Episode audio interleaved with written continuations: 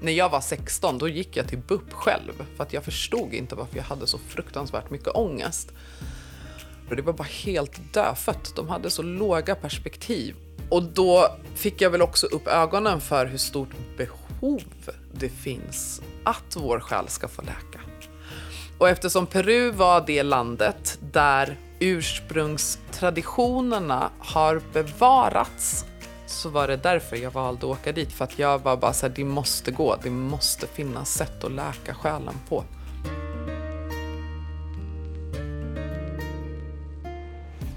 Jag heter Josefin Turesson Kämpe. Och i den här podden får du följa med mig när jag letar rätt på visdomen som gömmer sig bland oss. Mitt mål är att gå till botten med de där djupare frågorna som vi alla innerst inne bär på. Vad är meningen med livet? Vad är roten till våra samhällsproblem? Hur aktiverar vi vår fulla potential? Och hur blir vi lyckliga?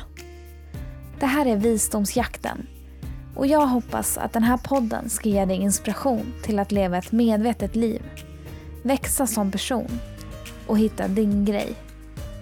Vi gör den här resan tillsammans för en visare värld.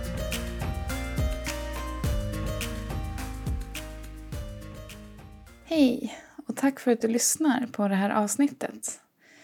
Visdomsjakten lever, men ta det lite lugnare för att få tid till återhämtning nu när hon jobbar heltid.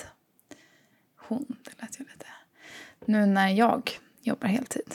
Men nu har det äntligen blivit dags att dela det här avsnittet med er och det spelades in vid andra advent som ni kanske hör här i början. Um, och den här gången har jag fått nöjet att intervjua en kvinna som har gjort det som jag själv har drömt om länge. Nämligen att åka till Peru och Machu Picchu och lära sig mer om hur inkafolket lever där och hur de ser på världen och livet. Dagens gäst är Karin Steinback Paulsson och hon gjorde alltså det här när hon var i min ålder. Och några känner nog till henne genom hennes företag Aini Artesania där hon säljer hantverk gjorda av folk som hon känner i Peru. Då. Och det var faktiskt från henne som jag köpte den vita stickade ulltröjan med mönster som jag har på mig på mitt poddomslag. Det är lite roligt tycker jag. Och eh, redan då, när jag beställde den, så blev jag nyfiken på henne. Vad är den här personens story? Och hur kommer det sig att hon började sälja hantverk från Peru? Och har hon bott där med inkafolket? Det här var alltså hösten 2019. Och eh, drygt två år, ett mejl och två timmars samtal senare så fick jag mitt svar. Karin flyttade alltså till Peru när hon var 22 år. Och som tonåring hade hon mycket ångest och ansåg att sättet som man behandlade psykisk ohälsa på i Sverige hade väldigt stora brister. Hon ville lära sig att läka själen på djupet och bestämde sig därför för att söka upp urfolken i Peru. Inkas ättlingar Keros och Shipivo-folket från djungeln där. Och Karin deltog i ceremonier, kom nära flera familjer där och blev kär i en peruan.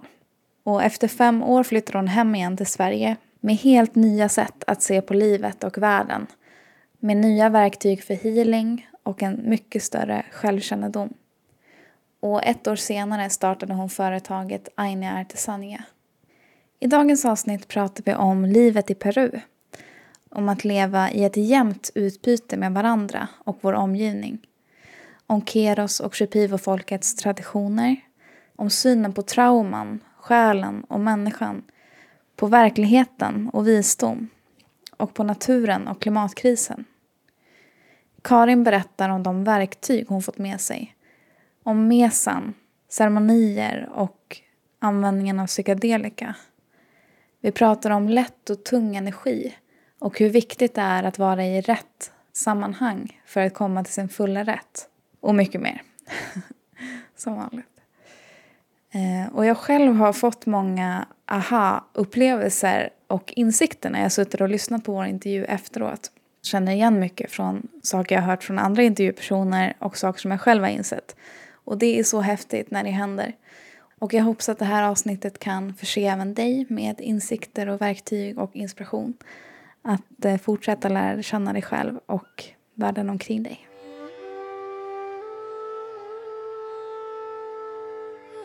Hej! Hej! Välkommen till min podcast. Tack! Tack så mycket för att jag fick komma hit, hem till dig. Ja. Det är jättekul att du är här. Ja, och vi sitter ju här i Stockholm hemma hos dig med massa ljus. Och jag ser att du har tänt alla fyra adventsljus. Eller kanske inte en adventsljusstake? Ja, men det är ju det, men det står en till där bakom. Okej, okay. men där har ni inte tänt det andra? Nej, jag vet, jag ligger efter. För den här har jag egentligen mer använt, för eftersom den är rund ja. så tänker jag att det är de fyra riktningarna. De fyra väderstrecken. Ja, mm. okay. Så det är egentligen min ceremoniella ljusstake. Men okay. jag brukar, nu vid jul så har jag den tänd jämt. Okay. Mm. Men eh, då tänkte jag att vi skulle börja med att eh, prata om det här som heter Aini Artesania. Mm. Som är ditt företag. Ja. Vad är det för företag?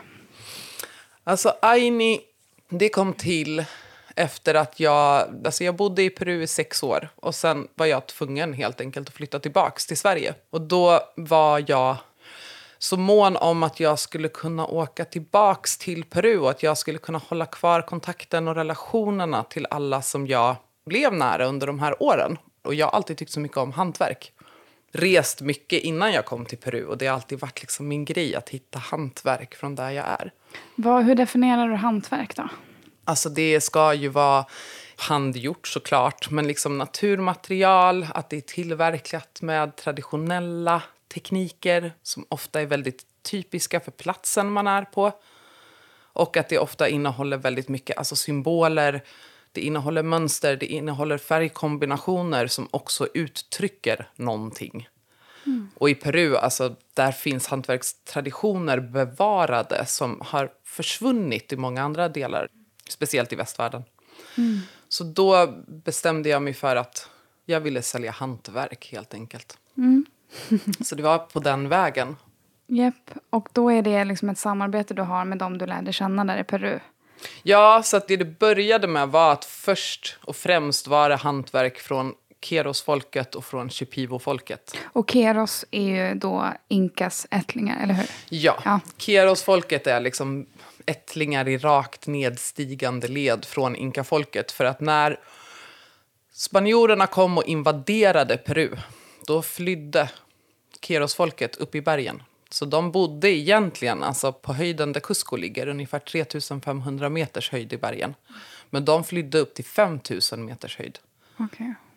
Och där levde de liksom väldigt isolerade fram till 60-talet ungefär då började de komma ner från bergen igen. Mm. Mm. Okej, okay. men så det vi pratade om var att du har samarbete där med folk du lärde känna från Keros-folket. Mm. Och vad heter den andra? Shipivo. Shipivo. Och vad?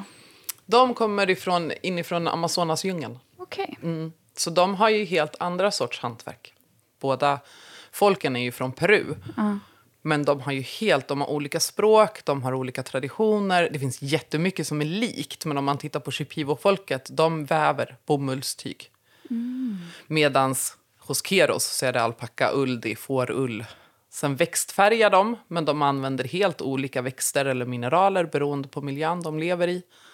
Och Shipivo-folket använder jättemycket skenfrukter och frön och nötter och alltså väldigt mycket för att mm. dekorera och göra halsband och sånt här. Mm. Medan Keros-folket har andra material. Mm. Så att fastän det egentligen är från samma land så finns det sån otrolig bredd på hantverket i Peru. För att det finns så många olika naturliga miljöer. Och då utvecklas hantverket helt olika. Oh, ja. Coolt alltså. Ja. Så det började där och sen har jag ju lärt känna ännu mer människor såklart. Som mm. jag också säljer hantverk ifrån. Mm. Mm. Så det är ganska brett. Mm. Mm. Men Aini Artesania betyder också någonting. Vi pratade lite om det här innan. Men kan du förklara igen vad, vad betyder det? Ja, men Aini är ett ord på quechua. Och det är egentligen, alltså det är mer än ett ord, det är ett begrepp. Så att Aini är en form av social trygghet kan man säga. Och det betyder utbyte av energi eller utbyte av tjänster. Enkelt förklarat, idag för dig, imorgon för mig. Jag hjälper dig, du hjälper mig. Och så som det såg ut förr speciellt hos Kerosfolket, då var det ju så att om någon behövde bygga ett nytt hus, ja men då gick alla i byn dit och hjälpte till. Och den som var jättebra på att bygga tak, den byggde taket.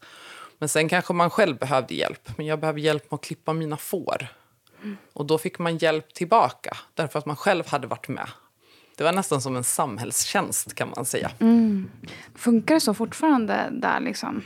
Ja, ja, det gör det. Helt och hållet? Inte helt och hållet, men väldigt mycket. Okej. Så till exempel om man... Jag har flera gudbarn, men jag är också gudmor till ett vuxet par när de gifte sig. För det kan man också vara i Peru. Okej. Och då kunde jag se så tydligt på det bröllopet att då kommer folk och så lämnar de backar med öl. Och då, då skrivs det upp. Så att så här, okej, den här personen lämnade tio backar med öl i Aini. Okej. Så att när den personen som har lämnat tio backar med öl, när den sen ska gifta sig eller den har en stor fest eller en stor högtid, då kommer den få de där tio backarna öl tillbaks. Ja, från personerna som gifte sig, som fick ta emot dem. Så att det används fortfarande. Inte lika utbrett, för nu finns ju pengar. Men det är liksom ett...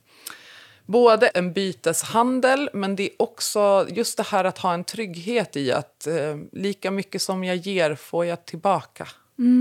Alltså så. Men då började jag tänka så här, det här med att det ska vara villkorslöst också så här ens, att jag vill ge en gåva bara för att ge en gåva. Kan man välja att inte skriva upp det då typ eller? Ja, ja, ja, Ja. absolut. Okej. Men då kanske det är vid mindre händelser. Inte när man bygger ett hus eller det är ett stort bröllop. Utan det kanske handlar om man ska hem till någon på besök eller vad som helst. Och då har man med sig någonting. Alltså, så det Okej. finns ju massor med liksom bara frivilliga gåvor. Ja, ja. Men just att göra något i Aini. Man gör det inte för att veta att då får jag tillbaks det här sen. Men det är för att stärka sin egna trygghet eftersom där finns inte som vi har. Det finns ingen socialtjänst eller socialt skyddsnät på det sättet. Så det är ju ett sätt att liksom trygga. Om det skulle hända något, då vet man liksom att det är okej. jag kommer inte behöva klara mig själv. Utan alla hjälper varandra i ett flödande utbyte. Men det är väldigt viktigt att det ska vara ett jämnt utbyte. Det får inte komma ur balans. Det ska inte vara så att en person står och ger och ger och ger och ger. Utan det ska hela tiden vara ett jämnt utbyte. Så man strävar efter att leva i balans. Både med sina medmänniskor men också i förhållande till naturen och till alla, liksom, allt levande runt en. Har det här liksom, vi ska ta det från början snart, att du åkte till Peru och allt det här. Men det här sättet att tänka, har det påverkat dig mycket i din vardag idag och i relationer liksom? Det påverkar mig jättemycket. Tänka mig det. På vilket sätt? Jag tror att det som det kanske mest påverkar mig i är att jag strävar efter att ha den balansen. Och att jag lägger tid på att känna efter. Är det här en balanserad relation? Är det här en situation där det blir ett jämnt utbyte? Självklart ska man inte bara ta och ta och ta, men det är lika viktigt att inte hamna i en position där man bara ger och ger och ger. För du ska respektera din egna energi lika mycket som du respekterar andras. Man ska välja att vara i de situationerna där alla får komma till sin rätt. Och det, det har inte att göra med att så här, ja, men den personen är bra eller den personen är dålig. Det handlar om kombinationen.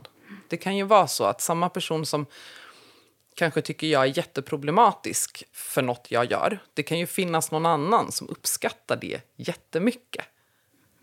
Det kan ju vara någon som tycker att men du pratar för mycket och du tar för mycket plats och du har så intensiv energi.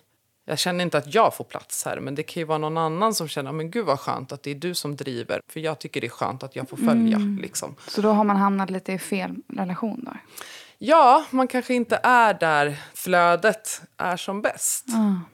Så jag tror att det har jag förstått mycket av det. Att försöka välja att vara i de situationerna där jag naturligt kommer till min rätt och blir en tillgång för människorna runt mig än att försöka tvinga in mig själv i situationer som jag tror att jag borde vara i men som jag egentligen inte trivs i.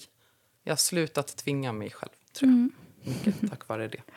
Det behöver jag också lära mig. Men har du liksom avslutat vissa relationer till människor på grund av det här? Ja, det har jag ju absolut. Hur gör du det då? då? Jag kan nog uppleva att de relationerna har ju för det mesta runnit ut i sanden. Därför att oftast är det ju en ömsesidig känsla. Sen har det ju såklart varit situationer där man har fått gränsa och kanske säga att jag kan inte vara i den här alltså situationen, jag kan inte vara i den här relationen, jag kan inte ge så mycket som du förväntar dig av mig. För just nu finns det annat som kräver min uppmärksamhet. Det kan jag väl känna att jag fortfarande får jobba med och det blir ju lättare på ett sätt när man har barn, för det har människor här lättare att respektera. Att om man säger så här, men jag kan inte vara tillgänglig för dig just nu därför att jag måste ta hand om mina barn först och främst. Det har varit lättare att säga så. Egentligen borde det vara lika självklart att kunna säga att så här, jag kan inte ge så här mycket i den här relationen för just nu behöver jag ta hand om mig själv. Det har jag haft mycket svårare för. För det är vi inte vana vid. Nej, Att precis. prioritera oss själva. Och det är egentligen samma sak där. Anledningen varför man ska prioritera sig själv är för att när du fyller på dig själv först så kan du ge mycket mer till dem runt dig. Och från en påfylld plats, inte från en dränerad plats. Så att egentligen är ju det högsta formen att ta ansvar för sig själv. Och det är en svår balansgång när man är i ett serviceyrke som jag är i. Ja, precis. Ja. Men eh, kan du säga något kort om liksom, hur brukar du fylla på dig själv? Har du några topp tre grejer eller något? Ja, det har jag absolut. Alltså att vara i naturen. Det är där jag hämtar hem mig själv. Och det är där jag fyller på mig själv. Och det kan vara allt ifrån att men bara gå ut och gå i skogen, helst elda. Av någon anledning. Eld är energi, eld är kraft. Det är bra att elda. Eh, igår var jag kallbadade, bastade. Det är också sånt som funkar. Helst ensam. Igår var jag med vänner och det kan vara jättefint och jättepåfyllande också. Att vara i de här relationerna där man inte behöver hålla på att liksom gränsa eller känna efter. Där det här naturliga utbytet är i balans utan ansträngning. I de relationerna kan man vara. Men jag upplever nog oftast att det jag verkligen behöver det är att vara själv. Att vara ensam. Och kan jag inte ta mig ut i naturen på något sätt så är väl näst bäst att... Jag ska inte om jag skulle kalla det meditation, men meditation eller energiövningar som jag också gör för att liksom hämta hem, fylla på, centrera. Vad är energiövningar? Man kan säga att energiövningar det är ju liknande meditation för att du jobbar så mycket med visualisering. Men du har en ganska så tydlig agenda med. Du, du sätter en intention. Okej, nu gör jag det här därför att jag vill rensa ut energi som jag inte mår bra av och jag vill fylla på med ny energi. Alltså det kan ju vara enkla saker från att bara visualisera att så här, jag andas in ljus och jag andas ut allt som är tungt. Och sen kan man göra, avancera upp dem där med att nu kallar jag in krafter. Jag kallar in specifika krafter som är just till för att ge mig det jag behöver just nu. Och jag kan fokusera på specifika områden i kroppen eller specifika känslor eller specifika händelser för att rensa ut. Så att du får ett kretslopp i din egna energi. Det man strävar efter är att sluta det där kretsloppet. Att du ska ha ett slutet kretslopp inom dig själv där du naturligt hela tiden hämtar ny kraft och släpper ifrån. Hämtar ny kraft och släpper ifrån. Men det är inte så lätt att ha det i vårt samhälle och då kan man behöva liksom ta de där bryten för att verkligen göra det medvetet istället. Ja. Vad är det för krafter man kallar in? Alltså det är ju naturkrafterna. Antingen riktar man sig mot kosmos om man behöver energi, man behöver inspiration, man behöver nya tankesätt, man behöver se nya lösningar eller möjligheter. Då kallar du in solen, du kallar in månen, du kallar in stjärnorna. Det är den högre dimensionen. Går man in på den mer jordliga nivån så kallar man in bergen, bergsgudarna, bergsandarna. Och de har specialiteter. Det finns läkare, det finns eh, diplomater. det, fi- ja. det finns de som är bara till för att läka liksom, urinvägsinfektion eller problem med livmodern. Det finns de som är till för att läka hjärtat. Alltså, ja. Och det här är något du har fått med dig från urfolk i Peru, eller? ja, det är jättemycket från dem. Det, det är från Keros jag har lärt mig mest. Men tack för att du delar med dig av de där tipsen. För det Mm. behöver många idag. Mm. Men eh, jag funderar på om vi ska börja från början. Ja. Du eh, flyttade till Peru. ja, När och varför? Vad hände? alltså 2005 var första gången jag åkte till Peru. Då var jag 22. Men det började tidigare. Det började liksom på allvar kan man säga när jag var 17. Och går man ännu längre tillbaka så började det när jag var 12. Då var jag i Mexiko med min familj och kom till de här Chichen Itza, till de här gamla maya-templen Okej. och ruinerna. Okej. Och blev jättetagen av de platserna och började liksom läsa på och intressera mig jättemycket för mayakulturen och deras liksom sätt att se på världen och allt det här, vilket sen ledde mig in på inka-traditionerna. Jag tror att det var när jag var 17 så såg jag Machu Picchu för första gången i, i DN och bara kände att jag måste åka dit. Och sen började jag läsa böcker, jag har alltid läst väldigt mycket. Så jag började liksom läsa olika andliga böcker och det började kännas mer och mer som att så här, alla vägar ledde till Peru. Så jag började liksom jobba för att åka dit. Pluggade lite spanska på folkhögskola, jobbade och tjänade ihop pengar. Så åkte jag dit 2005 för att söka upp Keros-folket och Shipibo-folket. Okej, var söka liksom- upp alltså. Ja, för att alltså 2005, man kan ju säga att internet fanns, men inte som det finns idag. Nej. Det fanns inte information. Så att jag åkte till Peru med en Lonely Planet-guide. Det var ju de man hade. Man köpte såna böcker. Och hur hittade du de här? Alltså jag, eh, ja, jag kom ju helt själv till Lima och jag pratade ju knappt någon spanska så jag var där nästan en vecka först och sen tog jag mig till Cusco. Och sen åkte jag runt till alla de här heliga städerna som då finns kvar, eller ruinerna som finns kvar i Cusco, i Ollantaytambo, i hela Sacred Valley. Och så lämnade jag offergåvor. Det var kokablad, för det hade jag ju läst, att det var det bergsgudarna ville ha. Okej. Så jag lämnade offergåvor och bad om att få kontakt med Keros. För de, alltså, det fanns ju inget sätt, eller jag hade ingen inväg liksom, till dem. Och sen den sista platsen jag åkte till, det var ju Machu Picchu. Det var ju liksom den stora finalen på något sätt. Och då ville jag lämna min sista offergåva uppe vid solstenen, kallas den, Intihuatana, högsta punkten i Machu Picchu. Och det var på slutet av dagen, så att jag står och väntar och det är en grupp som står där. Så jag liksom står och väntar på att de ska gå därifrån. Ja. Och sen till slut går de, så jag går fram och lämnar min offergåva. Och när jag går ut från Machu Picchu, då har alla bussarna gått därifrån. För Machu Picchu ligger uppe på en bergstopp kan man säga. Och nedanför vid bergets fot, där ligger byn där man kan övernatta. Så alla bussarna tillbaks hade redan gått, för det var så sent. Nej.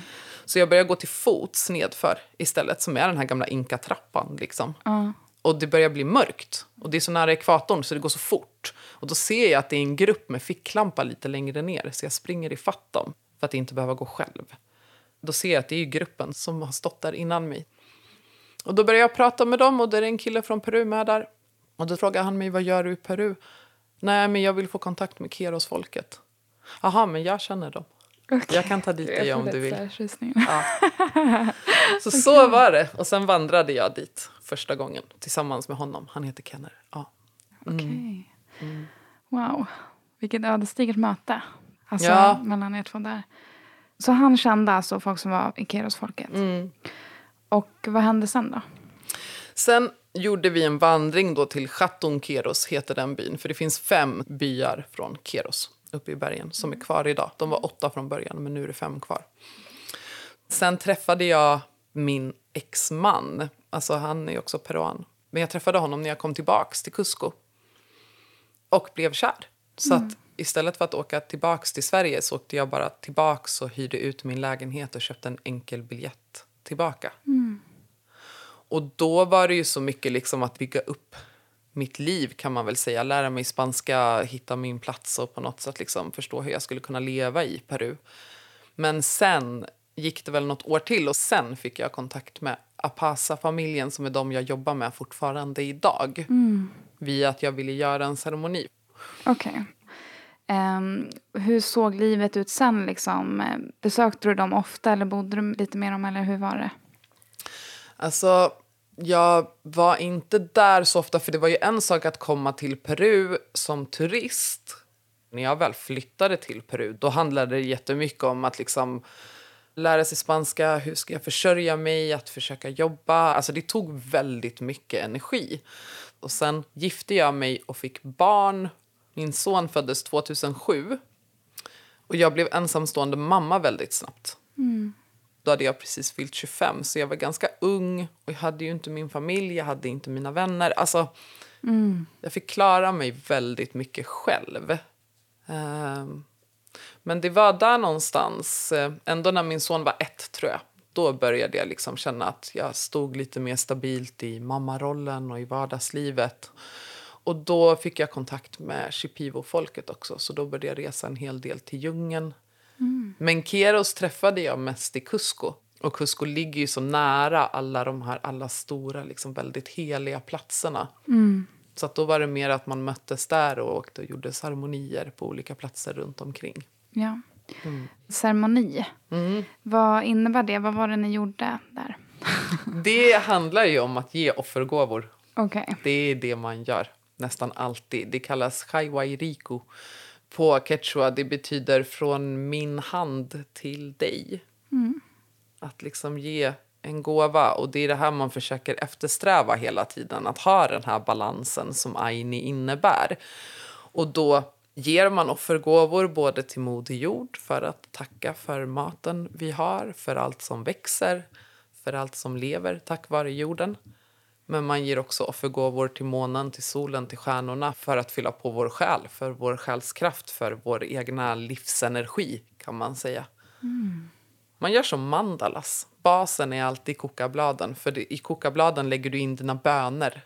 Mm. Så din egna bön, din egna önskan, det är alltid basen i offergåvan. Men sen lägger du på mat, godsaker, eh, blommor. Mm. Ja. Men eh, det är också någonting som heter mesa mm. som används mycket inom inka. Mm. Kan du förklara vad det är? Mm. En mesa det är mer verktygen kan man säga som man har när man jobbar med alltså healing. Men i en mesa så har man tolv stycken stenar som kallas för kujas. Så det är heliga stenar. Men det är absolut inga kristaller, det får aldrig vara en köpt sten. Utan det här är stenar som man själv finner på olika kraftplatser i naturen. Så varje sten representerar både en naturkraft och det representerar en dimension. Och genom att ha sina kujas så kan man säga att man ställer sig själv i förbund med naturkrafterna mm. och med de här heliga platserna. Så det blir en symbol för länken mellan en själv och de krafterna man jobbar med. Mm. För att du kan inte bära med dig de här heliga platserna men du kan bära med dig stenar ifrån dem. Mm. Och sten är det materialet som både har förmåga att absorbera energi och ge ifrån sig energi. En kuja eller en smesa det är en representation av naturkrafterna och en själv. Och om vi säger att det är fullmåne till exempel många som gör fullmåneceremonier. Det är många kvinnor som lever efter månfaserna och sånt här. Mm. Men man kanske inte själv kan stå ute en hel natt och ladda sig själv i månljuset. Men då kan du lägga ut din mesa istället och ladda den. Mm. Okej. Okay. Mm. Så den, man laddar på den med positiv energi, typ? Eller inte positiv energi kanske, men... Ja, de pratar aldrig om positiv eller negativ. De pratar om lätt eller tung energi. Okay. Så man kan säga att man laddar den med lätt energi och man kan också använda stenarna för att dra ut tung energi från kroppen. För att skapa flöde. Ah, mm. Det var bättre ordval. Mm. För jag har alltid tänkt att jag dömer lite när jag säger positiv och negativ energi. Mm. Och när man har för mycket tung energi så blir livet tungt. Vi orkar inte. Det blir tungt att bära. Mm. Och då behöver vi släppa ifrån eller rensa ut. Och det handlar mycket om att få energin på den platsen. Det här vi pratade lite om innan. att vara i en situation där man kommer till sin rätt. För det kan man också prata om lätt och tung energi. Därför att tung energi brukar jag jämföra med gödsel. Okay. Att det som är bajs för oss, som vi inte kan göra någonting av, vi kan inte få ut någonting av det där, för vi har inte förmågan till det. Men om vi ger det till jorden, om vi gödslar jorden, jorden har kraft att förvandla gödslet till nytt liv. Mm. Då är det rätt energi på rätt plats. Så då kommer till och med tung energi till sin rätt. Och det är därför de aldrig pratar om Alltså pacosarna eller mina lärare då från Keros. Det är därför de aldrig pratar om, för det är ju inget negativt. Mm. Gödsel är ju det är jätteviktigt. Men om du skulle ha hela ditt hem fyllt med gödsel kanske det inte skulle kännas skitkul för vad ska du göra med det där? Ja men det är det. det handlar, vi vill så gärna värdera hela tiden. Mm. Så att när någonting blir inom situationstecken negativt så handlar det inte om att värdera energin, men energin är på fel plats. Ja. Mm, så den behöver hitta sin plats i kretsloppet. Mm. Mm. Åh, fint beskrivet. Är det något som de har så här, som är typiskt tung energi? Eller hur vet man att det är tung energi? Liksom? Men tung energi, det är ju alltså konflikt, rädsla mm. framför allt. Allt som skrämmer oss. Det är eh, separation. Mm. Oavsett om vi upplever att vi är separerade från vårt ursprung eller inte har en plats på jorden eller om vi separeras från någon vi älskar genom att någon dör eller skiljer sig eller ja, vad det nu kan vara. Liksom. Mm. Um, det är oro, det är ångest. Ja, allt det där som vi skulle benämna traditionellt som negativt i vårt samhälle. Mm. Det är det de kallar tungt. Okay. Mm. Så om man upplever att man har massa tung energi inombords, hur ska man ge det till jorden då? Mm. Vatten är bra att söka sig till. För precis som att vi tvättar våra fysiska kroppar med vatten så är vattnet den naturkraften som har förmågan att lösa upp den tunga energin i kroppen. Man kan ju tänka att det där lät ju enkelt, det är bara att ge sin tunga energi till jorden. Men tung energi sätter sig i kroppen.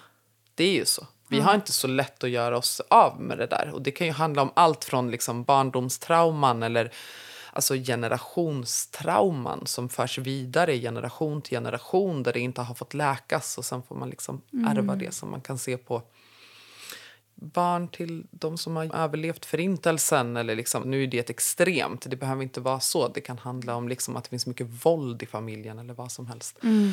Men det där är ju sånt som behöver föras ner i jorden men då är det inte så lätt att lösa upp det för det har kanske suttit där väldigt länge. Så det första man gör är att kalla in vattnet och helst vara vid vattnet. Alltså sätta sig och försöka meditera eller försöka skapa någon känsla av kontakt med vattnet. Och där är det väldigt individuellt hur det ser ut för olika personer. Mm. Och sen använder man stenar, men då tar man stenar som man hittar på platsen.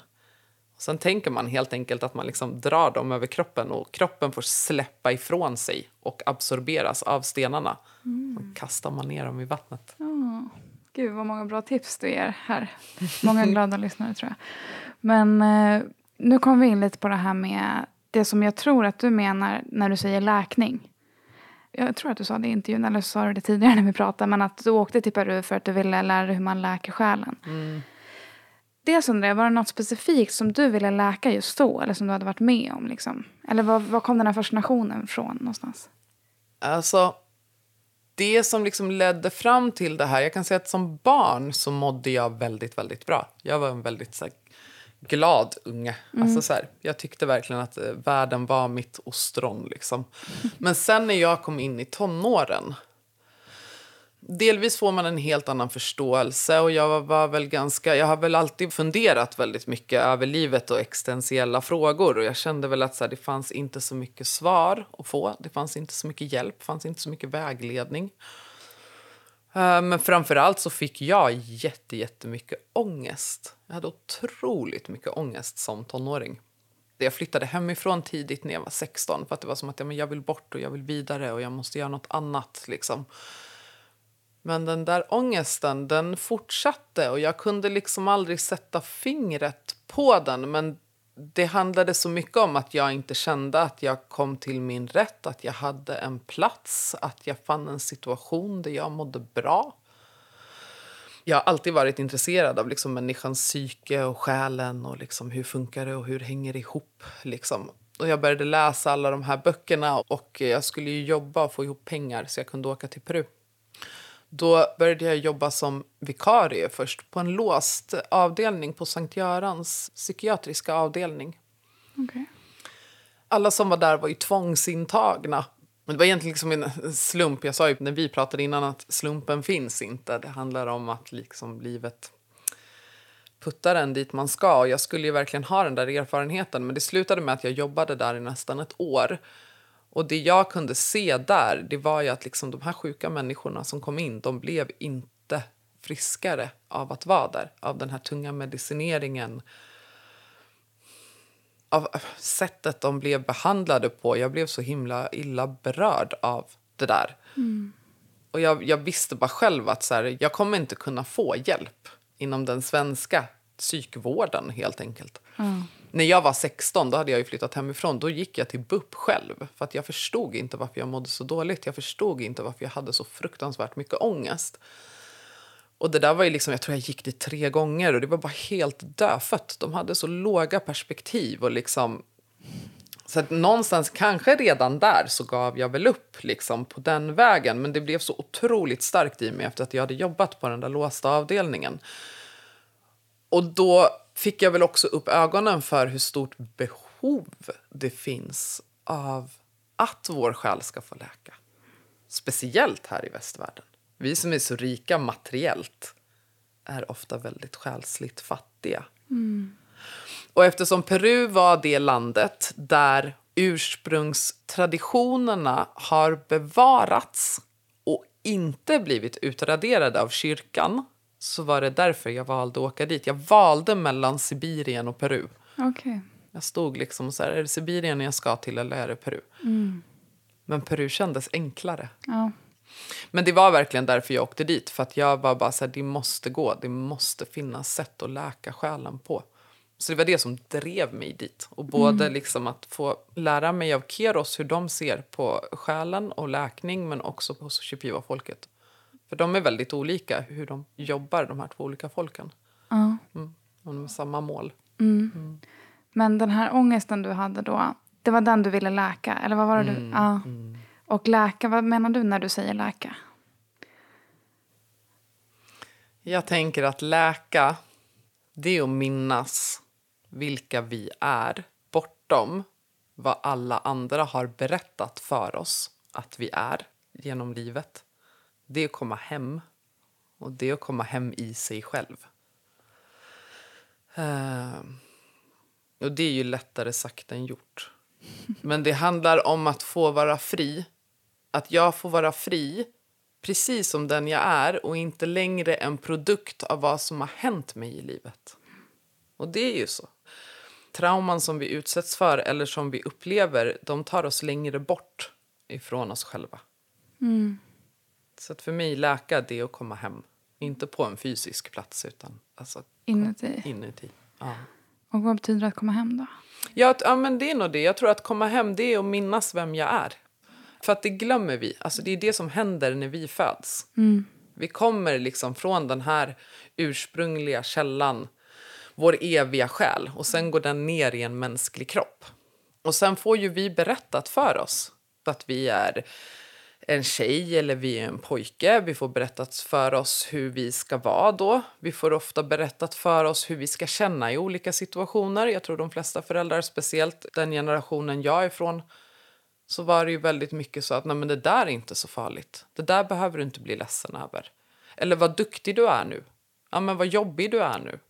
Så där får man göra, så där får man inte göra. Eller att man får höra liksom, du är för dominant, du tar för mycket plats. Ja, men för vem då? Och framförallt för mig tror jag, för det har jag fått höra mycket, eh, för att jag var tjej. Jag var född i fel kropp för att bete mig så. Så det är ju det stora jobbet. Att inte längre identifiera sig med alla de här berättelserna som man fått höra i hela sitt liv. Så det är väl att komma hem till sig själv, tänker jag. För det tar jättelång tid att lära känna sig själv. Bara hur samhället berättar för oss. Vi får ju berättat för oss att du ska sträva efter att ha en karriär och du ska sträva efter att få ett erkännande, du ska sträva efter en social status. Det här är saker som är viktiga för dig. Alltså för vissa människor, det tar ett helt liv innan de förstår att så här, fan, det var inte alls det där som var viktigt för mig. Det var helt andra saker. Och så har de lagt ett helt liv på att fokusera på annat. Och det är så otroligt sorgligt. Att det ska vara en sån lång väg och att det ska vara en sån kamp att bara få ha rätten till sina egna känslor och till sin egna upplevelse. Och där tror jag att det blev så viktigt för mig att åka Jag hade ju inte behövt vara Peru, men det var viktigt för mig att, att på något sätt åka så långt bort från var jag kom ifrån. För att där fanns det ingen som hade förutfattade meningar eller tankar eller förväntningar på mig. Mm. Och det finns en fördel i att vara men liksom utlänning eller komma från en annan kultur för att då finns det en acceptans för att jag gör annorlunda. Och då tänker folk att ja, det är för att hon är svensk. Men de vet ju inte om att jag kanske bryter jättemycket mot hur mm. gemene svensk skulle bete sig. Mm. Så det har varit lättare för mig att lära känna mig själv bortanför Sverige. Mm, kan verkligen mm. förstå det. Mm. Man får börja om på ruta noll någonstans. Mm. Då blir man kanske mer medveten själv om när man så här, reagerar på någonting eller håller tillbaka. Eller så mm. Okej, okay, men vi pratar om läkning. Hur du Mm. ser på läkning. Mm. Är den här synen som du har på läkning någonting som kommer från urfolket där i Peru? Eller är det någonting som du har liksom insett i dig själv efter du har kommit hem? Eller? Jag tror att den synen fanns redan innan jag åkte till Peru. Jag har väl haft lite räkmacka för att alltså både min moster och min mamma har väldigt stark andlig praktika. Inte på samma sätt som mig, men jag fick liksom min första tarotlek när jag var 14. Mm. jag gick till ett medium första gången. Då var jag 17. Min mamma är reiki-master, så jag Mm. tog steg ett och steg två i reiki när jag var 20. Okej. Okay. Och sen där någonstans på vägen så var det som att jag förstod att så här, men shamanismen, det är det där sättet jag vill jobba på. För att det finns ju många vägar som leder till Rom. Mm. Alltså det är inte som att shamanismen är den enda vägen. Alla urfolk över hela världen pratar om samma saker. Mm. Och samma syn på att för att läka, oavsett vad det är vi behöver läka, om det är fysisk sjukdom, om det är psykisk ohälsa, så börjar allting i själskroppen. Så att det är vår själskropp som är vår största kropp. Efter själskroppen så kommer den mentala kroppen och så kommer den känslomässiga kroppen och så kommer den fysiska kroppen. Är det här också dimensioner eller? Ja, det kan man ju säga. Men man kan säga att vi har fyra kroppar helt enkelt. Okay. Och att all ohälsa, oavsett vad det är, den börjar i själskroppen. Mm. Och när det har hänt någonting, alltså det blir ett trauma. Och vad som är ett trauma, det där är också något vi behöver prata om i vårt västerländska samhälle. För att här är det som att vi tror att ja, men ett trauma det är att det händer något jättehemskt och det är något jättestort och det där är någonting som påverkar. Och så kan det ju vara också. Men alltså ett trauma kan vara såna saker att ett barn upprepat får höra att nej, det där var inte så farligt. Sluta, skärp dig. För det är att du har inte rätt till dina egna känslor. Mm. Och du har inte rätt till din egna verklighetsuppfattning. Vilket gör att du blir underminerad. Alltså det är som en form av gaslighting. Och har man vuxit upp så, då sätter det sig i själskroppen. När det sätter sig i själskroppen, då går det in i våra känslor. Sen börjar vi känna runt det här. Ja, men det är något fel på mig. Jag fattar inte hur det är och jag förstår fel och jag gör fel för att det blir inte rätt och andra blir arga på mig och jag blir missförstådd. När de känslorna blir för starka, då går det ju in i våra tankar. Då börjar vi identifiera oss med det här. Mm. Om de tankarna får löpa fritt och vi hela tiden går och hugger på oss själva i våra tankar, då kommer det sätta sig i kroppen. Det kommer bli till fysiska symptom.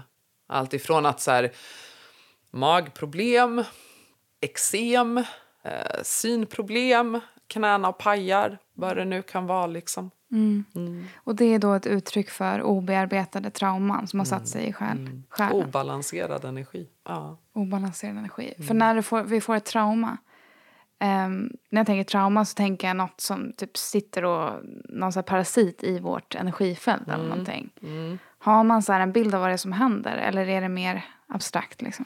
Nej, utan de har ju en tydlig... Om, om vi pratar om eh, specifikt Keros-folket nu då, för det är de jag har varit med mest, så många kanske av mina begrepp kommer därifrån. Men det de menar är att när vi utsätts för ett trauma, då är det en del, vi får själsförlust. Så en del av vår själ, för trauma är alltid, det blir en chock. Mm. Det blir en chock för själen. Och det är en jobbig känsla, det är en jobbig situation. Så själen vill lämna kroppen. Den vill ju inte vara kvar i den här situationen. Vilket gör att, kan tänka dig som att en liten del av själen, den lämnar kroppen. Fastnar i traumasituationen. Varför vi antingen har minnen som upprepas gång på gång på gång på gång. Vi kan inte släppa dem. Eller så är det då att den situationen kommer för alltid vara en traumatrigger. Så varje gång vi hamnar i den situationen, det kan handla om att vi känner en viss doft, hör ett visst ljud, då uppspelar sig traumat igen. Och det är för att den här själsbiten som då har lämnat kroppen har fastnat i traumat. Men alltså fastnar den i ett annat energifält då? Ja, eller vadå? ja, I exakt. ett traumaenergifält? eller? Jaha. I händelsen som händer där och då. Den fastnar i händelsen. I ett minne, kan man säga det? Ja, i, i den liksom tidpunkten i tiden. Ah, okej. Ja, för tiden är ju inte linjär, alltså den är ju cirkulär. Så att därför så fastnar en del av själen, vilket gör att det här det loopar. Okej. Ja, traumat loopar. Fortsätter Okej. påverka oss. Så det är inte bara att en del av ens själ har fastnat där, om man är fast i den här trauma response, eller liksom, ja. utan det är också att du får ju ett hål i din energikropp. Det hålet, där kan både din egna energi läcka ut och det är också andra energier som kan ta sig in som inte hör hemma i kroppen. Det kan både vara från andra människor men det kan också vara från andra energier kan man säga. Okej. Ehm, så det man vill göra det är ju att först rensa ut det som inte ska vara i kroppen så man gör plats igen och sen ta hem själsbiten. Och det är det som är Paco, eller liksom Pampa Messiah och Alto Messiah personens uppgift, medicinmannen eller medicinkvinnan. Det är deras uppgift Okej. att kalla hem själen igen. Och den som sen har fått hem sin själsbit, ens egna ansvar, det är att inte låta historien upprepa sig. För om vi säger så här att en person har mycket själsförlust för den har vuxit upp i ett hem med en väldigt våldsam pappa. Det har varit oberäkneligt, det har varit otryggt och man har utsatts för våld. Vid varje tillfälle som det här har hänt så har en liten själsbit försvunnit. Så det har blivit ganska mycket hål. Och sen säger vi att man i vuxen ålder känner att men nu vill jag läka det här. För det är ju så att de flesta som kommer till mig eller som kommer till de jag jobbar med från Keros när de är här i Sverige, det är ju de som har prövat allt annat. Alltså de har ju gått i terapi, de har ju testat jättemånga olika vägar och det har inte hjälpt. Så det här brukar vara det de kommer till när jag säger men nu är jag beredd att testa vad som helst. Eh, Så man vill ju både kalla hem själsbiten, men om vi säger att den här personen då som får hem de här själsbitarna från att ha levt med en väldigt våldsam pappa kanske lever i en relation med en våldsam partner.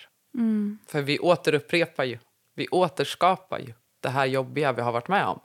Och om man då lever med en våldsam partner, ja men vad händer? Ja men själsbitarna kan ju kallas hem, men de kommer ju bara sticka igen. För de kommer ju känna, men det är fortfarande inte tryggt för mig här. Jag kan inte vara här. Jag är fortfarande utsatt för fara. Och då försvinner de igen. Okej. Så att för att läka måste vi bryta också miljön. Det brukar man ju säga att du kan inte bli frisk i samma miljö som gjorde dig sjuk. Ja. Så det är liksom ett dubbelt jobb. Ja, gud vad intressant. Jag bara började tänka så här. Är själen, alltså vad behöver den ha för omgivning för att den ska stanna kvar? Hur liksom hög är ribban där? För det kan ju vara, jag har ju typ haft den uppfattningen om att det är ju mitt problem att jag är så rädd för saker. Jag borde ju hitta ett sätt att hantera jobbiga situationer också. Finns det något sätt att liksom öka ens själs motståndskraft mot saker också? Det finns det? För det är precis det här det handlar om. För det kan ju vara så att en person då som till exempel har en sån väldigt jobbig uppväxt, det vill säga att det finns väldigt mycket våld i hemmet. Det kan ju vara så att den personen kanske har eh, en lärare som ser den, uppmuntrar den och stärker den. För att vad får du själsförlust utav? Vad är det som blir ett trauma? Det har inte med situationen att göra. Utan det har att göra med huruvida du får stöd och blir sedd och får hjälp att hantera situationen. Okej. Så att två personer kan vara med om exakt samma situation. Men den ena får efteråt stöd och hjälp från ett annat håll. Man har en mormor eller man har sin bästa vän som hela tiden ser och stöttar en och berättar för en det är inte ditt fel, det är inte du som gör någonting fel. Du ska inte behöva vara i det här. Då kan man stärka sig själv och behålla en viss distans. Ta sig ur situationen och läka från det. Okej. Men en person som inte får någon motståndskraft, det finns ingen hjälp att få någonstans, då blir det jättetungt.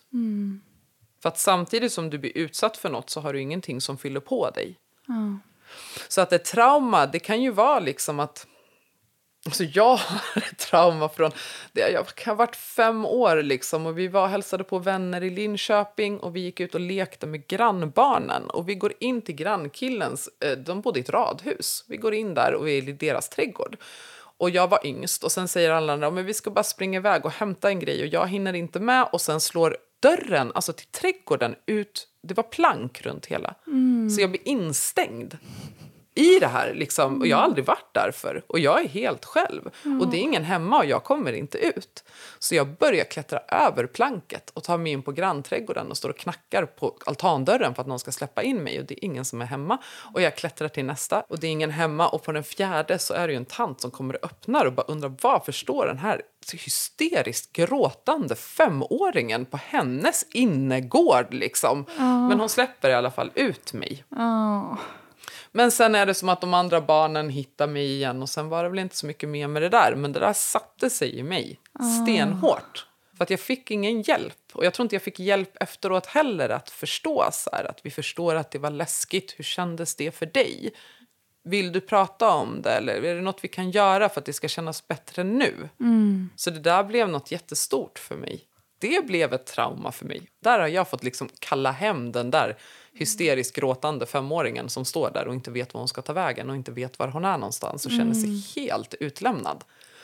För det kan ju skapa rädsla sen. Det var det jag tänkte på. Ja. Så här, är man rädd för den typen av situationer då igen, fast på andra sätt liksom? Ja, jag tänker att det där skapar en brist på tillit i relation med nya människor. I att vara i en grupp, kanske. För det kan ju säga saker som jag än idag har väldigt svårt för. Jag tycker inte om att tvingas ihop med folk som jag inte har valt själv. Och jag har ganska svårt att lita på folk. Och nu ska inte jag säga att det beror bara på det, men jag Nej. försöker mer ta det som ett exempel.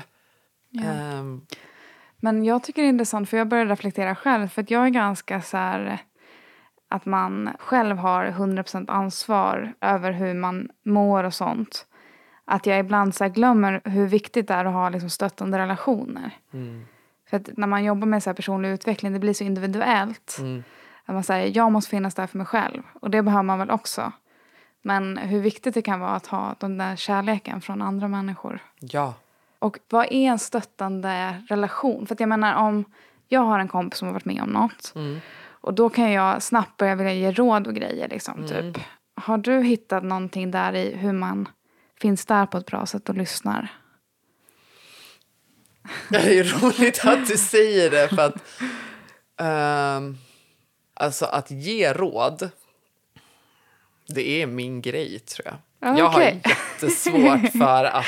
För så kan det ju verkligen vara. Någon kanske bara behöver få berätta något som har hänt och bli hörd. Och ingenting mer. Men många gillar ju att få råd också. Ja, och det handlar liksom inte om att trycka på någon ens egna råd. För det jag märker i mig själv som är så bra med att få råd är att jag kommer närmre min känsla och min sanning. Vi säger att jag sitter i en situation och jag bara, jag vet inte alls hur jag ska hantera det här och jag vet inte alls vad jag ska göra. Och så kommer en vän och så säger de, men varför gör du inte så här? Testa det här. Då kanske min spontana impulsiva reaktion är nej, jag vill inte det. Och då måste jag ju motivera. Varför vill jag inte det? Varför känns inte det alternativet bra? Alltså när vi ställs inför andra människors råd så måste vi ta en ställning till hur känner vi inför det rådet. Är det ett sätt vi vill agera på? Nej, det är det inte. Ja, Då kan man börja använda uteslutningsmetoden. Liksom. Du kommer ändå fram till någonting i dig själv. Även om det där rådet inte stämde alls för vad du känner för att göra så har du i alla fall fått mer klarhet. För du vet i alla fall att så vill jag inte göra. Ja, visst. Så att jag tror ändå på det där. Jag tror att människans väg framåt är att vi delar med varandra men aldrig kräva av någon annan att de ska göra på ett visst sätt. Nej, och kanske ha typ ett öppet, att man känner in personen liksom när man pratar med den. Ja. ja, men det där funderar jag mycket på. För att det var någon som sa typ att värsta du kan göra är att ge råd till mig. Eh, Så har jag börjat tänka lite på det men jag är inte helt övertygad om den. Alltså jag tycker ändå att man kan dela med varandra som du säger och ge en verktyg och så får man välja själv vad man gör sen. Exakt. Ja, men eh, jag kom på att jag har massa frågor mer. Kör på. Ehm, dels undrar jag synen på naturen hos Keros-folket. Och även, nu har jag glömt namnet igen, det andra urfolket, Shipivo. Shipivo. Ja. Hur ser de på naturen och hur lever de med naturen? Alltså de ser ju på naturen som att allting i naturen lever. Alltså träden lever, träden pratar. Vattnet lever, vattnet kan kommunicera. Allting är liv. Och det är liv på det sättet att det har liksom... Om man tar bergsgudarna till exempel, det är inte bara en samling bergsgudar. De är precis som vi människor, de har personligheter. De har offergåvor de föredrar, beroende på. De har olika yrken, de har olika specialiteter. Det finns de som är väldigt stränga och barska. Det finns de som är väldigt milda, omvårdande, snälla. Men de har samma syn på naturen som vi människor har på varandra. Bergen har ju namn, inte bara utefter att man har benämnt platserna med namn utan alltså det är personligheter, inte personer men personligheter som har namn och som har eh, egenskaper. Okej. Ja. Men alltså den här kunskapen då om vad alla heter och vad de har för yrken och allting. Kommer det från liksom tradition, generationer av... Det kommer från generationer, men det är också det som är en Pacos roll. Det är ju att stå som länk mellan det gudomliga och det jordliga. Mm, och Paco är shaman då? Ja, det är deras ord för Medicinman? medicinman eller, Ja. medicinkvinna eller den som Ja, ja. står i förbund. Liksom. Okej, det är deras roll i alla fall, att kommunicera det här. Mm. Och den här förmågan har alla människor. Det är bara precis som vilken förmåga som helst. Hur mycket man har liksom utvecklat den eller arbetat på den. Sen kan man ju ha fallenhet, mer eller mindre. Precis som att någon är jättebra på att sjunga, någon annan är inte lika bra på att sjunga. Men alla kan ju sjunga liksom. Men så att det handlar ju om att utveckla den förmågan. Men för det är där man ser också att du måste inte få den kunskapen ärvd. Det handlar om att liksom öppna dörrar i sig själv för att kunna börja kommunicera. Alltså det tänker jag att människor idag har naturligt utan att riktigt tänka på det. Att så här, om den där platsen i skogen, den tycker jag så himla mycket om. För den platsen känns så, vad det nu kan vara. Jag tycker alltid jag tänker bättre. Jag får liksom perspektiv. Det är som att jag kan se klart. Ja, men på den där platsen det känns det alltid så vilsamt. Där känns det som att jag verkligen kan slappna av. Där är min gråtsten. Ja, men där sätter men jag mig visst. alltid och gråter när jag är ledsen. Ja, men då har väl den platsen en tröstande förmåga. En annan har en upplyftande förmåga. Jag tror vi vet det där mer än vad vi tror egentligen. De har olika kvaliteter liksom, kan man väl säga. De har olika kvaliteter. Men i Peru då, hur ser det här ut dagligen? Den här, vad var ditt intryck av den här liksom, relationen till naturen från början? jag vet inte riktigt hur det ser ut i de yngre generationerna nu men om man i alla fall tar från Don Alejandros generation, han är ju 70 nu snart. Det är han du jobbar med? Ja, det är han som jag jobbar närmst med när det gäller undervisning. Ja. De börjar ju varje dag med att gå ut och så säger man god morgon till sin mamma som är moderjord. Och man säger god morgon till sin pappa som är fader sol. Så att man börjar ju varje dag med den medvetenheten och sen har ju de sina ritualer där de tuggar kokablad. Okej. Ja. Och det här börjar man varje dag med.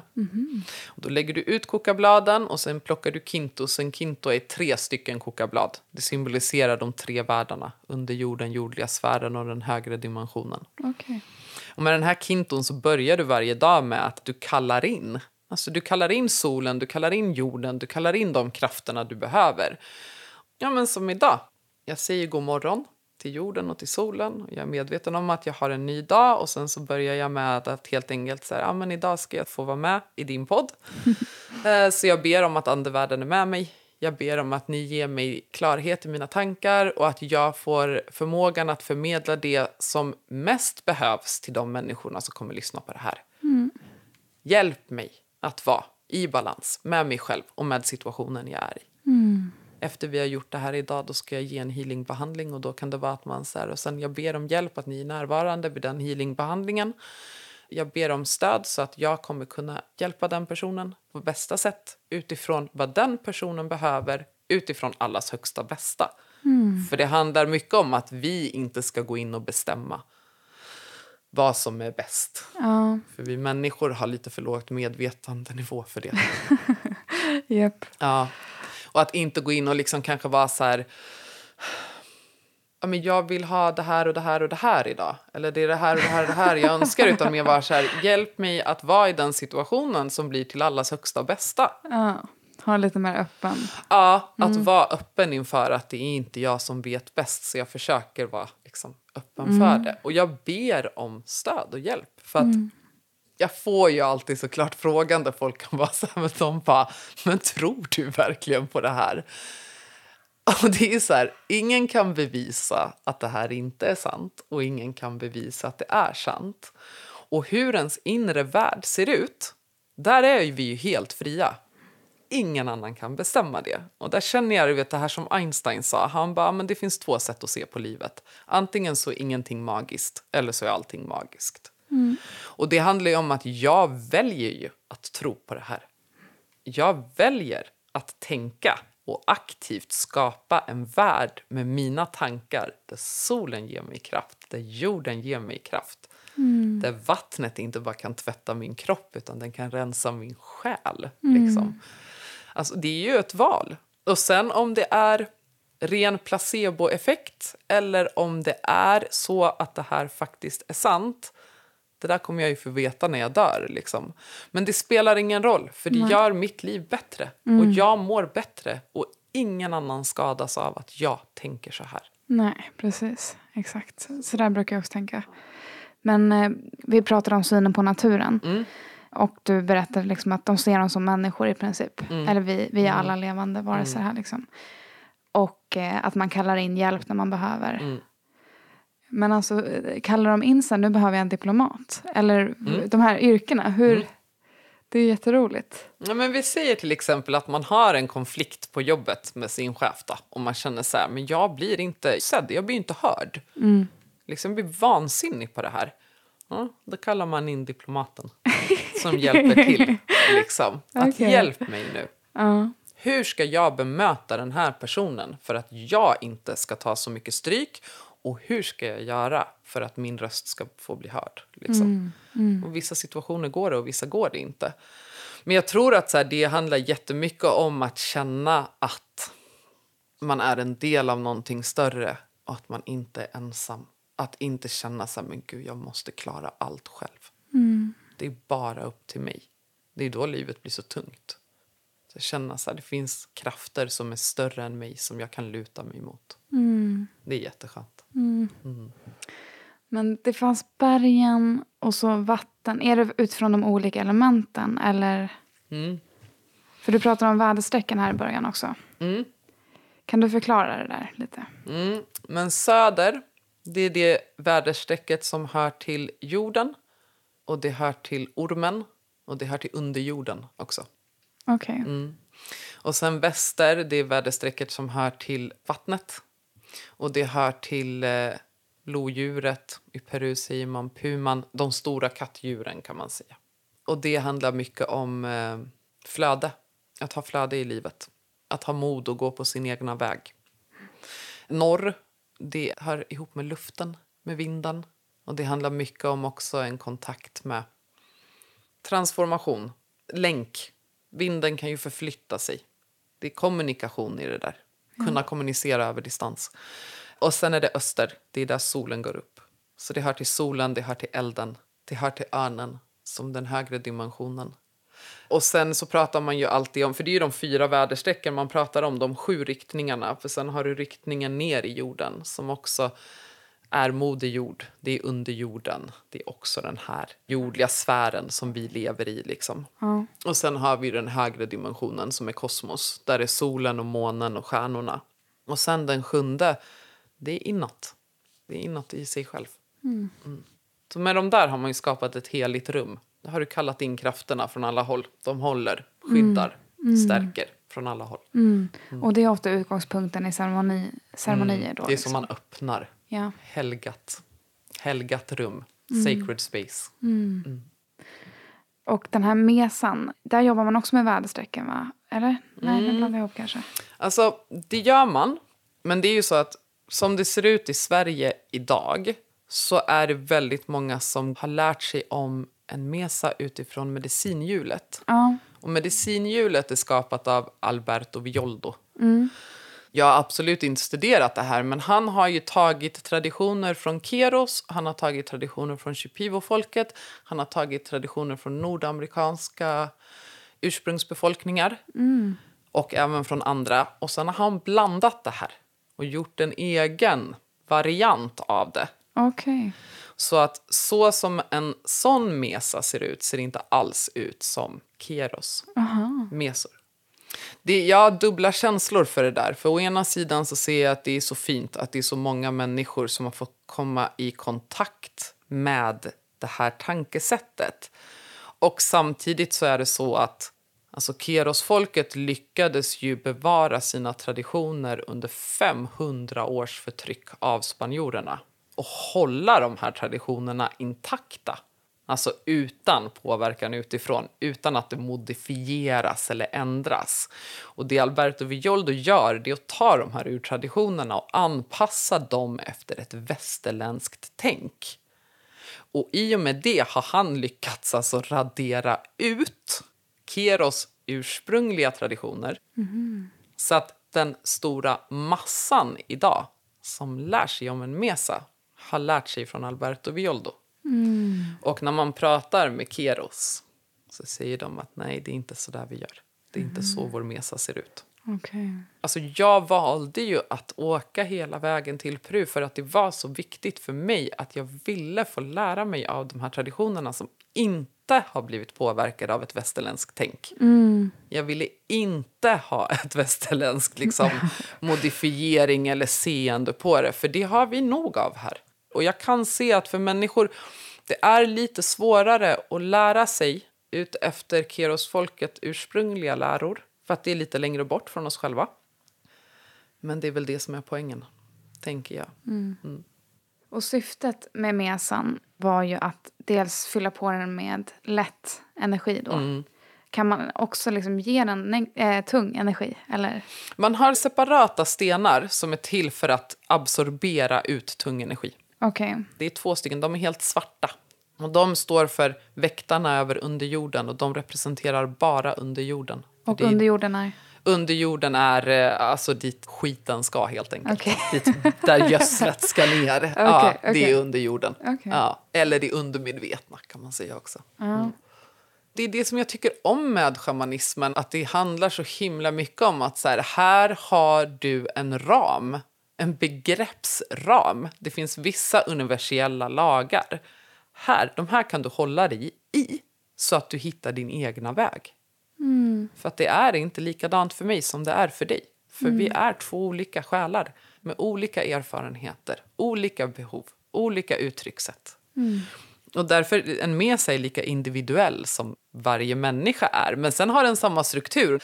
Men den används verkligen som en förlängning. Så där kan man ju säga att så här, känner jag mig helt dränerad, ja, men då brukar jag mata min mesa.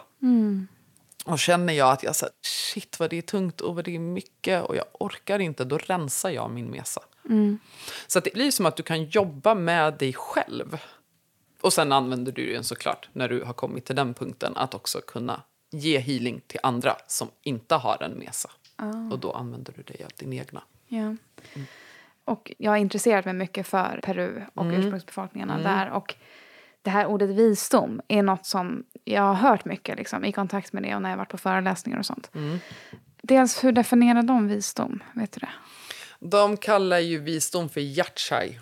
Alltså det är när man väljer att liksom vandra på den här vägen då man känner så här, nej men jag vill stå in service liksom. Då är det tre stycken initieringar varav den första är monai och den är i hjärtat. Det betyder kärlek. Det är att så ett frö.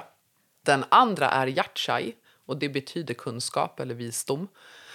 Och den är i magen. Det här har också blivit fel eh, när då deras traditioner har översatts i lite mm. västerländskt tänkt. För då har ju vi sagt att hjärtchai, det sitter ju i huvudet. Visdom och kunskap sitter i huvudet. Det här säger ju Don Alejandro. Han säger det, ja, men det är så många som de tror att visdomen det är den högre dimensionen, det är att öppna sig uppåt. Han bara nej, visdom finns i jorden. Mm. Allt som har någonsin levt har ju varit i kontakt med jorden. Där finns den samlade kunskapsbanken, kan man säga.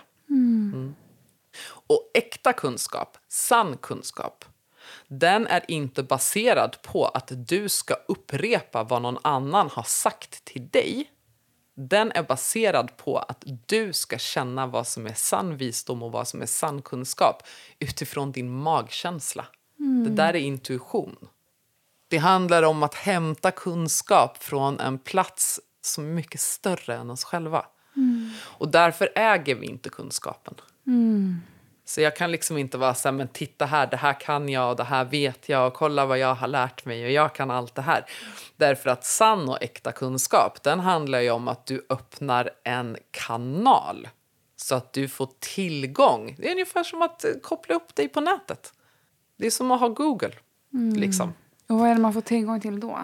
Uff, ja, men det är ju verkligen det här att känna vad som resonerar i dig. För jag tänker i det här som du till exempel gör nu då, i det här med din podd. Och så möter du jättemånga olika människor och alla har ju sitt språk och sin version av hur de pratar om det här.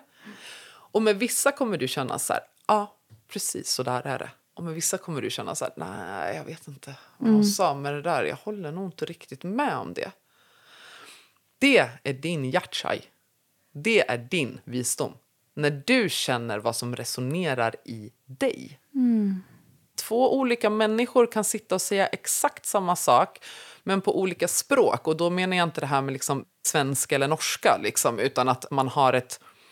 Vi har ju ett kulturellt språk. Vi har ju utformat en begrepp ut efter kontexten vi är uppvuxen i. Mm. Människorna, naturen runt oss.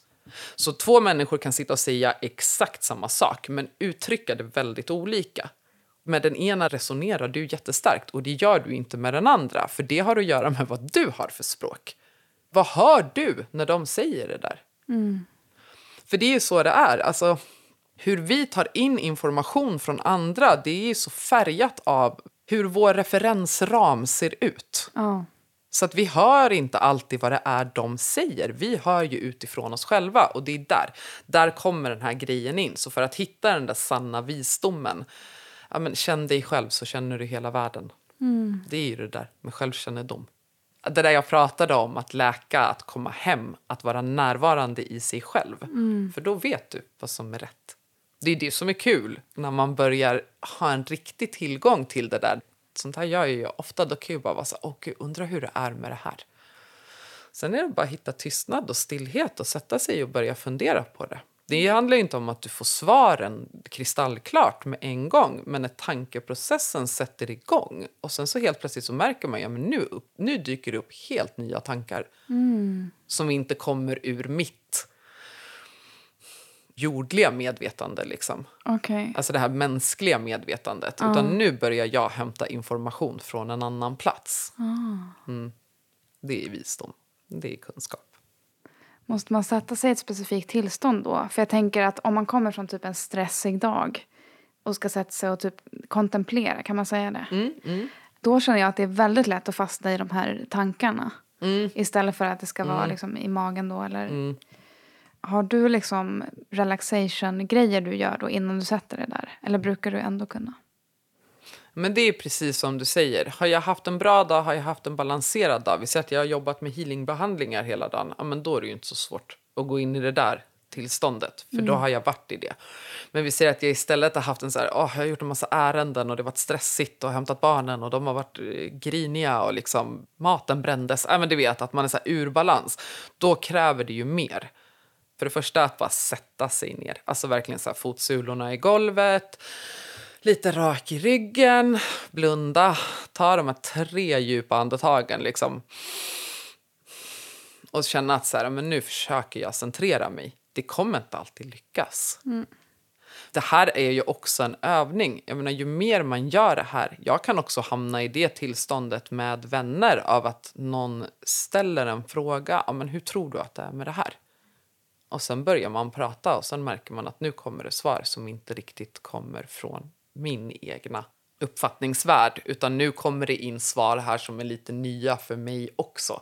Man lär sig att märka skillnaden i kvaliteten på ens egna tankar och de här tankarna som kommer någon annanstans ifrån. Det är, det- jag menar, rösten i huvudet låter ju likadant. Men det finns en skillnad i kvaliteten. Och vad skulle du säga att det kommer ifrån då? Antingen så kommer det från ens egna högre medvetande eller så kommer det från alltså jorden, jorden självt. Eller andevärlden. Alltså, allt är ju andevärlden. Men när jag pratar om andevärlden så pratar jag nog mer om de som rör sig i kanske i den högre dimensionen. Och där kan man också få kunskap och undervisning ifrån. Men den största kunskapen ligger i jorden. För där finns hela jordens historia. Allt som någonsin har utspelat sig på jorden. Det är som man också brukar säga ofta. För att känna din nutid så måste du känna historien. Det är lite samma grej där. Där finns vår databank. Där har vi vårt internet. Liksom. Det var fint sätt att se på det. Då började jag genast tänka på klimatkrisen. Har eh, de några tankar kring den? Liksom, Ja, det antar jag. ja. vad, vad säger de?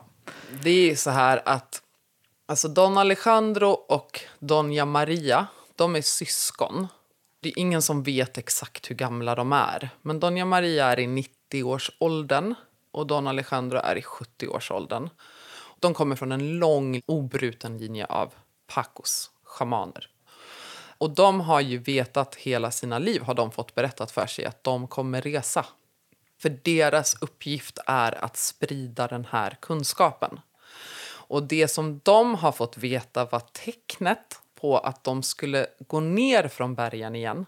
För de flydde ju upp dit på 1500-talet när spanjorerna invaderade Peru. Och då har de fått veta att när glaciärisarna börjar smälta, för de lever ju uppe bland glaciärisarna. Så när glaciärisarna börjar smälta så är det tecknet på att de måste ut i världen med sin kunskap. Därför att det här markerar Pachakuti, den nya tiden. Och Pacha betyder, det är som Aini, det är inte bara ett ord, alltså det är ett begrepp. Det betyder både tiden, det betyder rymden och det betyder världen, alltså världen som är jorden eller världen vi lever i. Kuti betyder vändning. Det här är när världen eller tiden vänder. Så de har vetat om det här mycket längre än vad vi har gjort. Så de är ju inte förvånade. De har ju väntat på att den här tiden ska komma. Sen är det en tid av väldigt stor oro. För allting förändras. Och i den transformationsprocessen så måste ju allt som är ur balans komma upp till ytan. Och det måste synliggöras. Och det är det som händer nu. Nu ser vi ju vad det är som händer egentligen. Och det är därför vi måste ta ställning.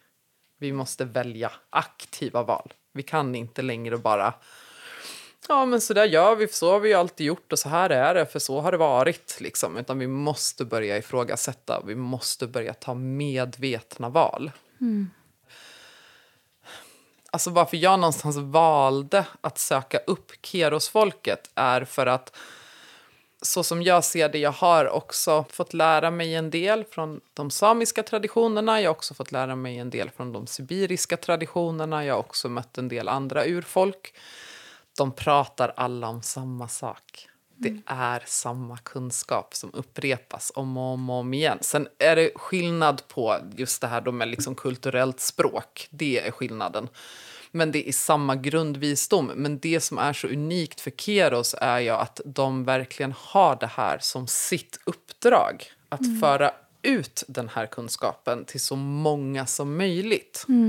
Och vad är det för kunskap, kärnan i den? Det de Både det här om hur vi läker oss själva, hur vi hämtar hem själen, hur vi läker själen, men också hur vi kan kommunicera. Både då att kommunicera med jorden för att hämta kunskap, att kunna kommunicera med andevärlden för att få stöd i de utmaningar vi möter, för att känna att vi är inte ensamma. Ehm, och det handlar ju framför allt om hur vi ska kunna Nu äter din katt här i Nu är det katten som ger lite bakgrundsljud. Det är så bra att jag har tre katter också så de kommer och äter i omgångar.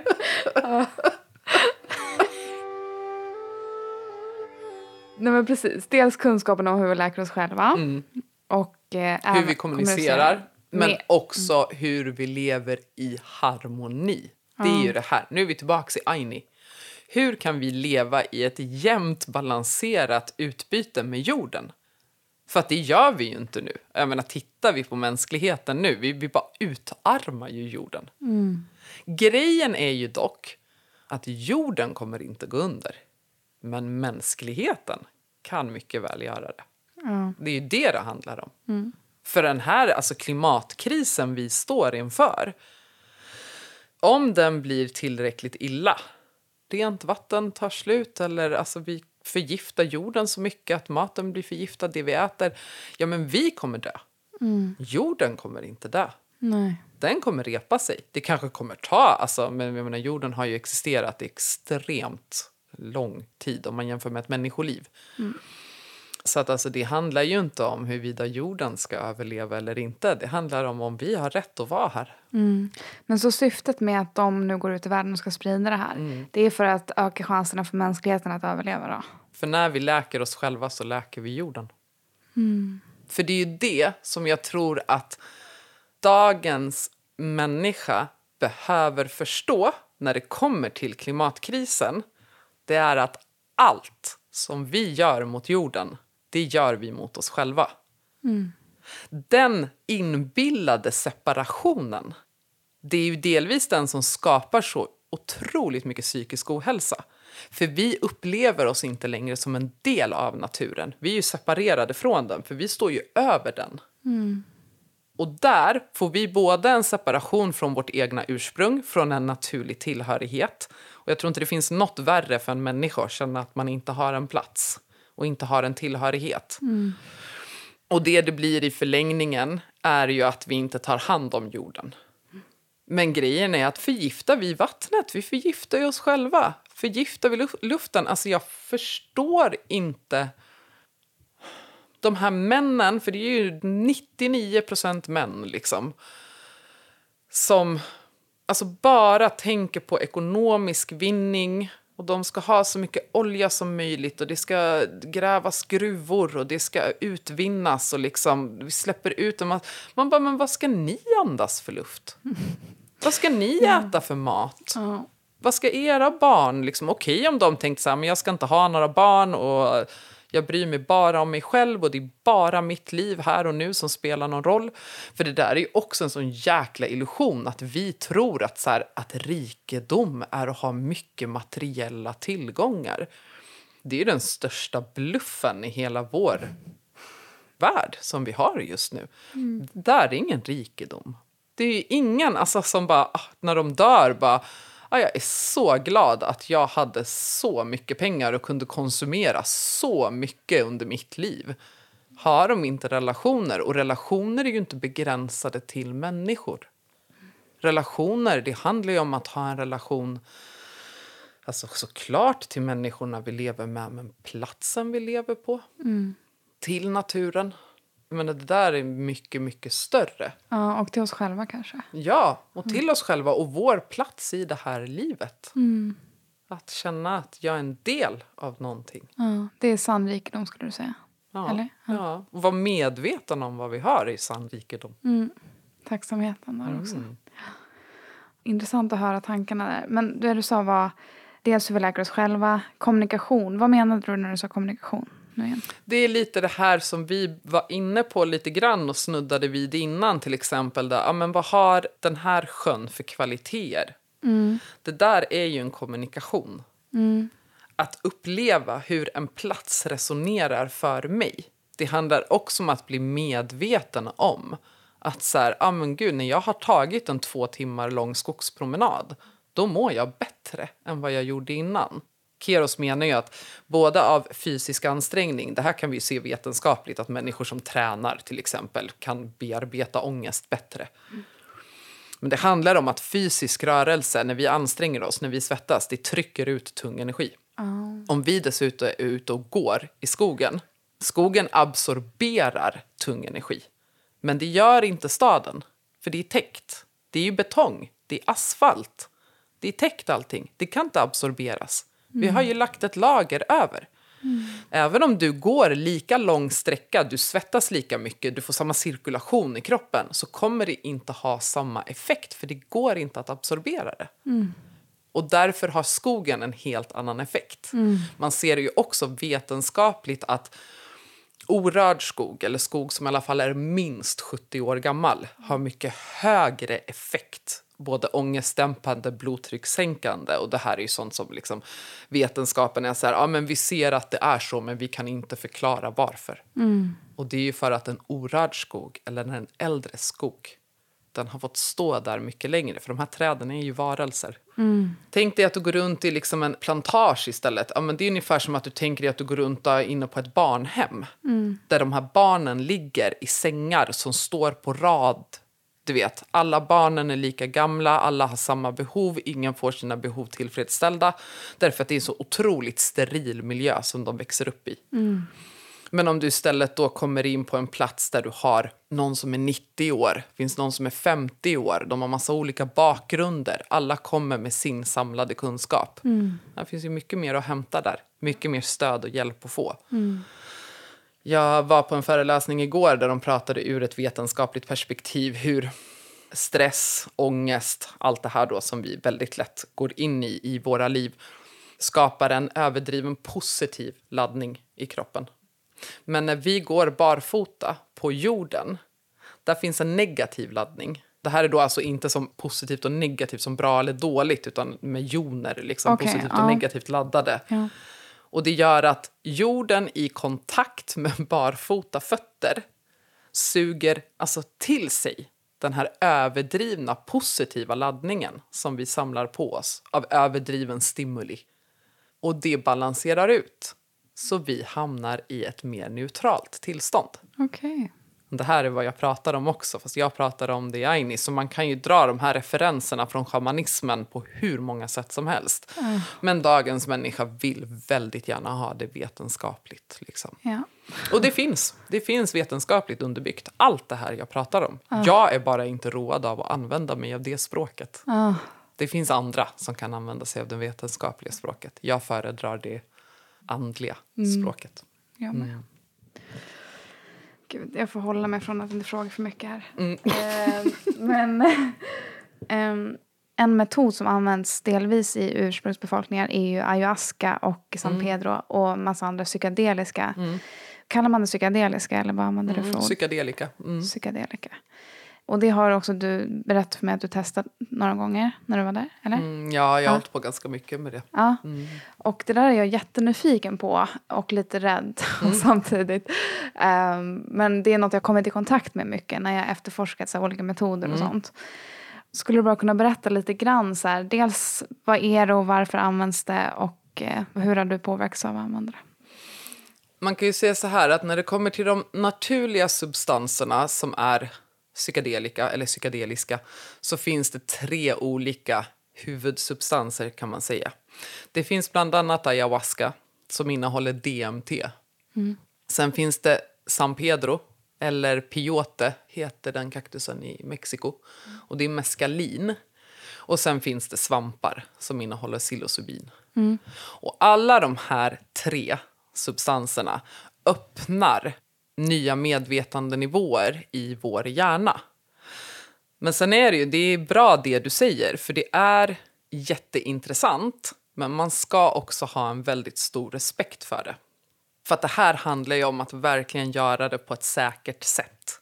Och det var ju därför jag valde att åka till Peru för att alltså faktiskt träffa de som har den här traditionen med sig så långt tillbaks. Och det tog mig ganska lång tid i Peru. Jag tror jag bodde där alltså i två år innan jag verkligen fick kontakt med Shipibo-folket. För det som händer är att när man dricker ayahuasca, det kallas ju för den lilla döden. Och det här ska man vara medveten om att det är inte för alla människor. Det är inte en quick fix. Man ska nog ha en väldigt stark dragning till att så här, tycka om att gå in i andra medvetandetillstånd. Man ska verkligen ha en någonstans längtan efter det. För att när jag pratade med Shipivo-folket, den familjen som jag har varit mycket med, när vi skulle hålla ceremoni så var det liksom, ofta var det jag själv med tre stycken shamaner. Liksom. Så frågade jag de andra att varför vill inte ni vara med? Och de var ju så här, nej gud. Alltså ayahuasca det dricker man om man är riktigt sjuk. Mm. Det är ingenting man liksom tar speciellt lätt på. Därför att du öppnar portaler, portar, in till alla andra medvetandenivåer. Om du gör det här på ett oskyddat sätt då kan du också dra in energier som absolut inte ska vara i din kropp. Mm. Så att likadant som att det finns de som har läkt med hjälp av ayahuasca så finns det också människor som har blivit psykotiska. Oh. För det är också det, alltså, jag har aldrig varit med på en ayahuasca-ceremoni i Sverige. Men här gör man dem ju liksom i grupper med så här 10 pers, 20 pers, 30 pers. Och det kan man ju jämföra med att man skulle gå 20 stycken till ett läkarbesök. Mm. Med 20 stycken olika åkommor. Mm. Och så ska den här läkaren läka allihopa, 20 på samma gång. Mm. I Peru, traditionellt sett, så är det alltid bara en person. Alltså du går en person för att få hjälp med just det du behöver Okej, okay, så det är inte i grupper då? Nej. Alltså? Nej, Aldrig okay. i grupper. Nej. Aha. Nej. Det är också sånt här som de har gjort efter liksom västerländskt. För det går ju att tjäna mycket mer pengar. Ah. Det är effektivare. Mm. Men jag har mött jättemånga som jag har fått göra soul retrievals på. Hämta hem själen. Mm. För att de har varit på ayahuasca-ceremonier. Mm. Där personen som har hållit dem har inte kunnat hålla space. Jag hade aldrig hållit en sån ceremoni för 20 personer. Hur ska jag kunna garantera att jag ska ta hand om 20 stycken samtidigt? Oh. Nej, men så det är väl en viktig poäng. Men alltså för mig har det ju varit eh, jätteviktiga verktyg för att läka. Därför att det har hjälpt mig att få perspektiv. Alltså mycket högre perspektiv. Mm. För att det är ju det du gör. Du öppnar ditt medvetande så du kommer upp på en helt annan medvetandenivå. Jag menar, sen försvinner ju det där perspektivet när man kommer ner igen men då har man i alla fall upplevt det. Och då är det mycket lättare att använda sig av den informationen. Mm. Sen ayahuasca framför allt är ju så starkt rensande. Mm. Och det rensar ju alltså inte bara tung energi utan det kan ju också rensa ut allt från så här, tungmetaller som vi får i oss, eh, besprutningsmedel, Alvedon och Ipren, kemiska mediciner slaggprodukter från schampot vi använder eller liksom starka rengöringsmedel. Allt sånt där. Mm. Det rensas ju ut ur vår fysiska kropp. Och det rensar ur den själsliga. Ja. Medans eh, meskalin upplever jag inte rensar lika mycket i den fysiska kroppen, rensar mer på den själsliga. Och samma sak med psilocybin. Okay. Psilocybin och meskalin är också eh, lite lättsammare, lite mm. vänligare. Ayahuasca är lite strängare. Mm. Så jag skulle väl tycka att om man, om man kände så här, men jag har känt mig jättedragen till det här väldigt, väldigt länge och det här är verkligen någonting som jag skulle vilja få uppleva eller erfara. Då skulle jag säga att det är jättebra att börja med svamp. Mm, okay. För det har precis lika bra effekt. Men det är lite mer lätthanterligt mm. än vad ayahuasca är. Mm. mm. Min rädsla är typ så här, lite konstig kanske men jag är typ rädd att jag ska förändras helt och hållet som person. Att det ska hända något fundamentalt i mig. Mm. Jag vet inte, det kanske är någonting med kontrollbehovet. Men eh, Ja, jag har en lite så här rädsla att du ska nollställa hela mig själv eller någonting sånt. Nej, så upplever inte jag att det har varit. Men som sagt var, det, det är ju min upplevelse. Men nej, jag upplever nog mer som att man får perspektiv på sig själv. Mer än att det förändrar. Sen är det fortfarande du som får göra jobbet. Ja. Liksom. Men man ser liksom med perspektiv. Hur, vad menar du då? Mm, men vi säger att du ska sätta dig i en sån ceremoni. Då går du in med en intention i den. Vi säger att jag vill jobba med eh, min rädsla som jag så lätt känner. Innan kanske det har varit svårt att förstå var rädslan kommer ifrån, förstå varför den påverkar en så mycket, varför tycker jag de här situationerna är så himla svåra, det är inte riktigt logiskt.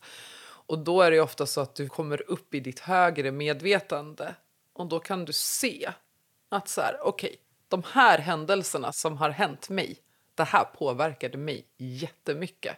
Det här behöver jag gå tillbaks till. Det är det här jag behöver läka. För här har vi roten till impulsen, den här känslan, det här förhållningssättet. För det vi så gärna gör i vårt samhälle, det är att hela tiden behandla symptomen. Kommer någon till läkaren och säger att de har jättemycket problem med huvudvärk, ja, men då får de migräntabletter utskrivna. De går inte till liksom roten för men var kommer den här huvudvärken ifrån? Vad är det det beror på? Liksom? För det sätter sig mycket i kroppen också liksom, när man är med om grejer. Det blir fysiska symptom till slut. Så att det är ju det, man vill gå till roten hela tiden. Ja. Mm. Och eh, hur många gånger är det du har gjort det här nu liksom? Oj. Mellan ayahuasca, San Pedro och svamp så har jag väl kanske gjort 80 Oj, ceremonier okej. eller något sånt. Vad är den största skillnaden du märker i dig själv? Om du jämför med innan du gjorde någonting sånt här till nu. Att jag har ett annat, alltså jag har öppnat portarna. Jag har skapat länk in till ehm, andra medvetandenivåer. Sen betyder inte det att jag befinner mig i dem hela tiden. Att använda, säga ayahuasca eller San Pedro eller svamp, det menar man ju att det är lite så här, en riktig shaman. Man behöver ju inte sånt där. Den klarar ju av det ändå. Det är lite att fuska. Ja. Det är att ta genvägar. Ja. Att gå upp i ett sånt högre medvetandetillstånd. Ja. Men vi som kommer från där vi kommer ifrån, vi kan verkligen behöva det. Så att det har ju förändrat mig jättemycket i min förståelse för livet, för världen, för mig själv, för hur saker hänger ihop. Det är väldigt mycket undervisning i de här ceremonierna. Det kommer ju jättemycket insikter. Att man bara, okej, är det det det beror på? Det hänger ihop på det här sättet och det är därför jag känner så. Eller liksom. Så att det är ju otroligt berikande. Men återigen, jag vill verkligen understryka det. Man ska vara jättenoga med vem man tar det med, vilken situation och att det verkligen är omhändertaget och att det är någon som faktiskt verkligen vet vad de håller på med. Därför att det kan också göra jättemycket skada. Det kan också bli otroligt obehagligt om man inte har en liksom trygg vägvisare med sig. Och för att det är någon som måste hålla space. För att på samma sätt som att det finns en andevärld som finns där för att hjälpa oss och för att stötta oss så finns det energier som har så lågt medvetande att de äter på vår energi. De, det är som parasiter. ja. Och det händer när... Det händer om du... För tänk dig då att när du dricker ayahuasca så öppnar du ditt egna medvetande. Du slår ju upp alla de här portarna. Mm. Det gör ju såklart att du öppnar upp så du når ut. Men är det öppet och helt oskyddat, ja, men då är det ju massa energier som kan ta sig in också. Nu är inte jag något fan av solskyddsfaktor, men det är en ganska bra metafor. Men liksom att skulle man ligga en hel dag i gassande sol, tar du solskyddsfaktor först så du i alla fall har något filter. Då får du igenom alla de där goda strålarna från solen, du fyller på din D-vitamin, du kanske till och med får en liten fin bränna och så var det jättebra. Lägger du det där, ja men du kanske fyller på D-vitaminen men har du ingen solskyddsfaktor, du kanske är helt sönderbränd. Så det handlar ju om att liksom förstå att så här, det här är krafter jag har att göra med. Du kan inte bara kasta dig in i det utan du behöver liksom vara skyddad. Gud vad bra beskrivet. Jag fattar verkligen vad du menar tror jag. Mm. Men eh, precis, det du sa, du har fått mer perspektiv och du har lättare att komma in i högre medvetande tillstånd. Mm. Gör det i sin tur att du lättare kan läka saker för att du lättare vet vad det är du ska läka typ eller? Mm. Ja. Och jag blir lättare klarsynt. Så att istället för att kanske... Ja, men det finns inte en enda människa som inte har någon tung påverkan från sina föräldrar, tar vi till exempel. Och då kanske det är så här att ja, men jag har de här problemen därför att min mamma behandlade alltid mig så här. Och då kan man ju fastna nästan i ett anklagande. ja. Det var för att hon gjorde si, det var för att den gjorde så, det var för att den gjorde så. Ja, vad händer? Du lägger makten över ditt egna liv utanför dig själv hela tiden. Det det här kan göra istället, och det kan man göra utan ayahuasca med, men insikterna kommer fortare. Man kan säga att på en ayahuasca-session så kanske du kan tillgodogöra dig ett års terapi. För du jobbar inte med den mentala kroppen, du jobbar inte med känslokroppen, du jobbar med själskroppen. Så det går mycket fortare. Och då kan man få perspektiv på att se att så här, okej, så här var det för min mamma. Det här är var hon kommer ifrån. Det här generationsmönstret. Hon har kämpat emot det här. Men hon klarade inte att ta allt. Så det här som fanns kvar, det spillde över på mig. Men då ändrar ju ditt perspektiv till att se så här, fan vilken insats hon gjorde. Ja, hon klarade inte allt. Men hon gjorde värsta insatsen och vad det har förenklat för mig. Ja men bra, då tar jag resten. Liksom. Då vet jag vad det är kvar att ta av. För det har jag ju fått uppleva i min barndom. Det har jag ju en upplevd erfarenhet av. Vad var det i det där generationsmönstret som ligger kvar? Då? Och då kan jag börja bearbeta det istället. Och det är det här också som kommer in när vi börjar förstå att så här, våra föräldrar, de är bara människor. Det vi kommer ifrån, det som är våra föräldrar, det är något mycket större än det där. För att jag tror ju 100% på reinkarnation. Ja. Vi har ju olika föräldrar och vi byter roller med varandra. Liksom, I det här livet så är det jag som är mamma och mina barn är mina barn. I nästa liv då kanske det är ett av mina barn som är... För vi rör oss ofta samma, lite i samma kretsar. Det tycker vi om att göra. Vi har liksom våra själsfamiljer. Men då kanske det är min son som är mamma. Och min dotter kanske är min syster.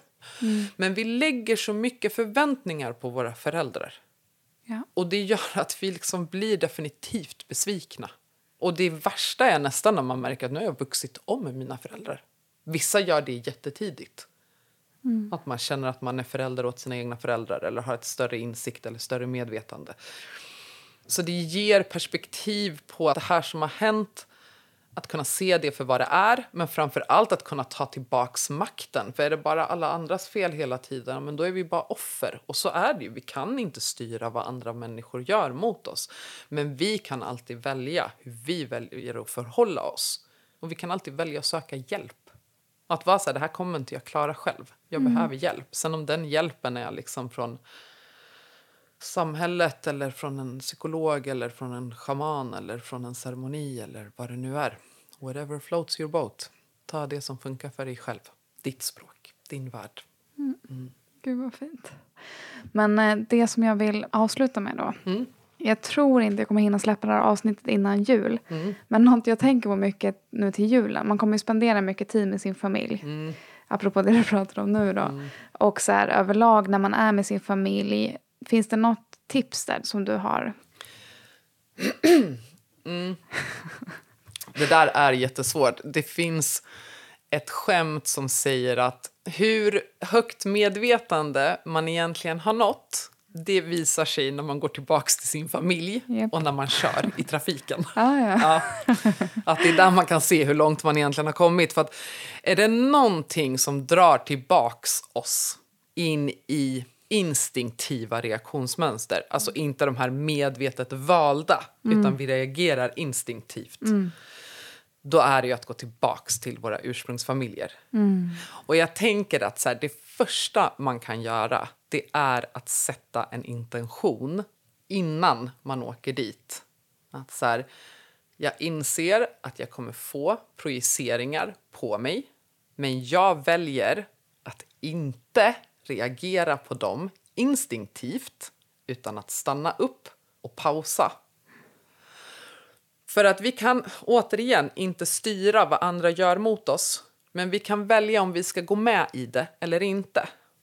Det jag hade gjort om jag hade känt det behovet, det gjorde jag tidigare. Och det handlar ju om att jag inte var lika läkt. Nu kan jag faktiskt vara med min ursprungsfamilj utan att bli triggad av dem. Mm.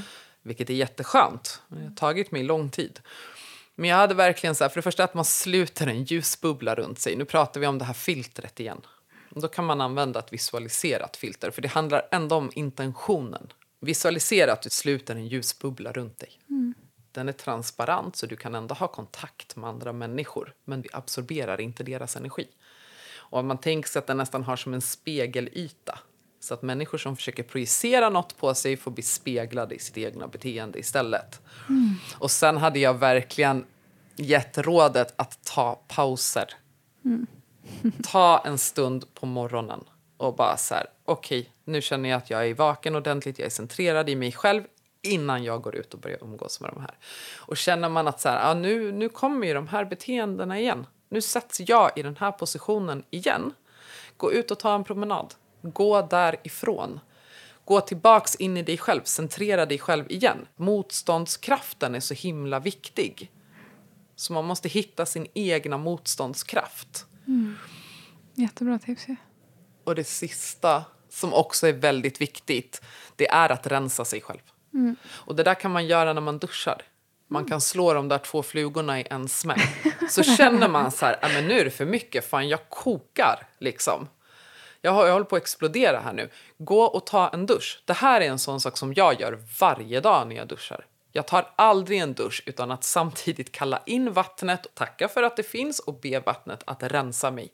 Mm. Och det här tror jag jättemånga människor gör omedvetet. Man har haft en väldigt jobbig dag på jobbet. Mm. Och sen man säger, oh, shit jag måste gå och ta en dusch, jag måste duscha av mig det här. Mm. Ja. Och det funkar. Mm. Så då kan man både liksom ha det där på morgonen, att man försöker liksom lägga den här, det här filtret runt sig, att man centrerar sig innan man går ut i situationen. Känner man under dagen att det är för mycket just nu, ja, men gå iväg, ta en promenad, centrera dig själv, kom tillbaka. Och känner du i slutet av dagen att, nej men fy fan, ta en dusch Tänk att du duschar av allt som inte är ditt egna. Mm. Alla projiceringar, all tung energi, all konflikt. Allt det här där det blir för tätt. Liksom. Mm. Duscha av det. Man visualiserar det då? Liksom, eller? Ja, och du ska ju verkligen använda det vattnet. Det är så många som säger så men måste man blöta håret? Och det är så här, ja, man måste blöta är det håret. Många som säger? Ja, när man pratar om just det att använda dusch som ett rensningsverktyg därför att det är ju huvudet det sätter sig. Mm. Om vi pratar om det här med visdomen och kunskapen, att den sitter i magen. Alltså det är i huvudet nästan det andra sätter sig. Mm. Våra blockeringar, ja. våra inbillade rädslor, våra begränsningar, vår trosuppfattning. Om att säga, men nu beter de sig så här mot mig därför att det är fel på mig. Nej, för att hur andra människor beter sig, det har ingenting med oss att göra. De berättar något om sig själva. Sen kanske så här, man väcker känslor i dem. Det har jag fått erfara jättemycket. Jag kan provocera människor genom att bara existera. Det verkar räcka. Men det säger ingenting om mig. Det säger inget om mitt värde. Det säger bara att den personen tycker det är provocerande med någon som är så som jag är. Mm. Där är också en frihet att förstå det. Andras människors beteende har inte med mig att göra. Mm. Det handlar om dem. Och på samma sätt så är det så att mitt beteende kan aldrig ursäktas med andra människor. Nej, alltså ja men du var faktiskt en idiot så då får jag göra så här. Ja. Typ. ja. Mm. Det slutgiltiga ansvaret är alltid vårt egna. Ja. Men vi har alltid stöd, möjlighet till stöd runt oss. Vi behöver inte göra någonting själva. Det finns hjälp att få. Mm. Mm. Jättefint. Jag hade tänkt att säga som sista, typ om du har något allmänt råd till de som lyssnar. Jag tror egentligen att det allmänna rådet som jag skulle vilja ge, som jag har varit inne på några gånger här, det är att vägen till både läkning, frihet, förverkligande, det går genom att känna sig själv. Mm. Så det är nog det jag skulle vilja säga, rekommendera till alla. Lär känna er själva. Helt Lär känna er själva. Mm. Tusen tack. Tack till Aine dig. tänkte säga. Tack Karin. tack till dig Josefin. Du har lyssnat på Visdomsjakten med mig Josefin. Mer information om Karin hittar du på hennes hemsida ainearte.se och hennes sociala medier Aini Artesania på Facebook och Aini Arte på Instagram. Aini alltså med Y. Och jag vet ännu inte vem som blir min nästa gäst. Men jag har en hel del bollar i luften. och eh, ni kommer garanterat inte att bli besvikna. Och jag vill också påminna om att skriva upp er på mitt nyhetsbrev där jag skriver lite mer om intervjupersonerna och avsnitten och eh, vad jag får ut av dem. Och eh, länk till det hittar ni i avsnittsbeskrivningen och i beskrivningen på sociala medier. Jag har också startat en Patreon här vid årsskiftet där den som vill kan ge en valfri summa för att stötta mitt arbete så jag kan fortsätta med det så mycket som möjligt och utan annonser och sånt. Och länk till den hittar du också i avsnittsbeskrivningen och i beskrivningen på sociala medier. En annan sak som jag kan nämna är att jag ska flytta nu, 1 februari. Och det var lite coolt detta, för att jag bad på nyår om att jag skulle hitta en bostad i början av året. På norra sidan av stan, där jag trivdes och kände mig hemma och det fick gärna vara en billig hyra och nära till jobbet. Och om jag tänker på det som Karin sa här om när man ber och sånt så var det kanske lite greedy formulerat. Men det funkade verkar det som. För att en månad senare, billig etta, förstahandskontrakt och 13 minuter till jobbet. och jag hoppas att du också har många magiska saker som händer i ditt liv och att du fortsätter jakten på visdom, även fast det är lite längre mellan avsnitten. Och kom ihåg att den största visdomen finns ju inom dig själv. Så fokusera på den. Fokusera på att lära känna dig själv och använd de verktyg du kan få ut här i avsnitten till att utforska det. Vi hörs snart igen. Jag måste bara säga en till sak. Nu när jag stängde av så började kyrkklockorna ringa här. Så där hade jag ytterligare tur en gång. Men är jag så här supernördig eller? Eller har jag extremt mycket tur? Det får ni gärna kommentera vad ni tror. Okej, det var allt. Hejdå.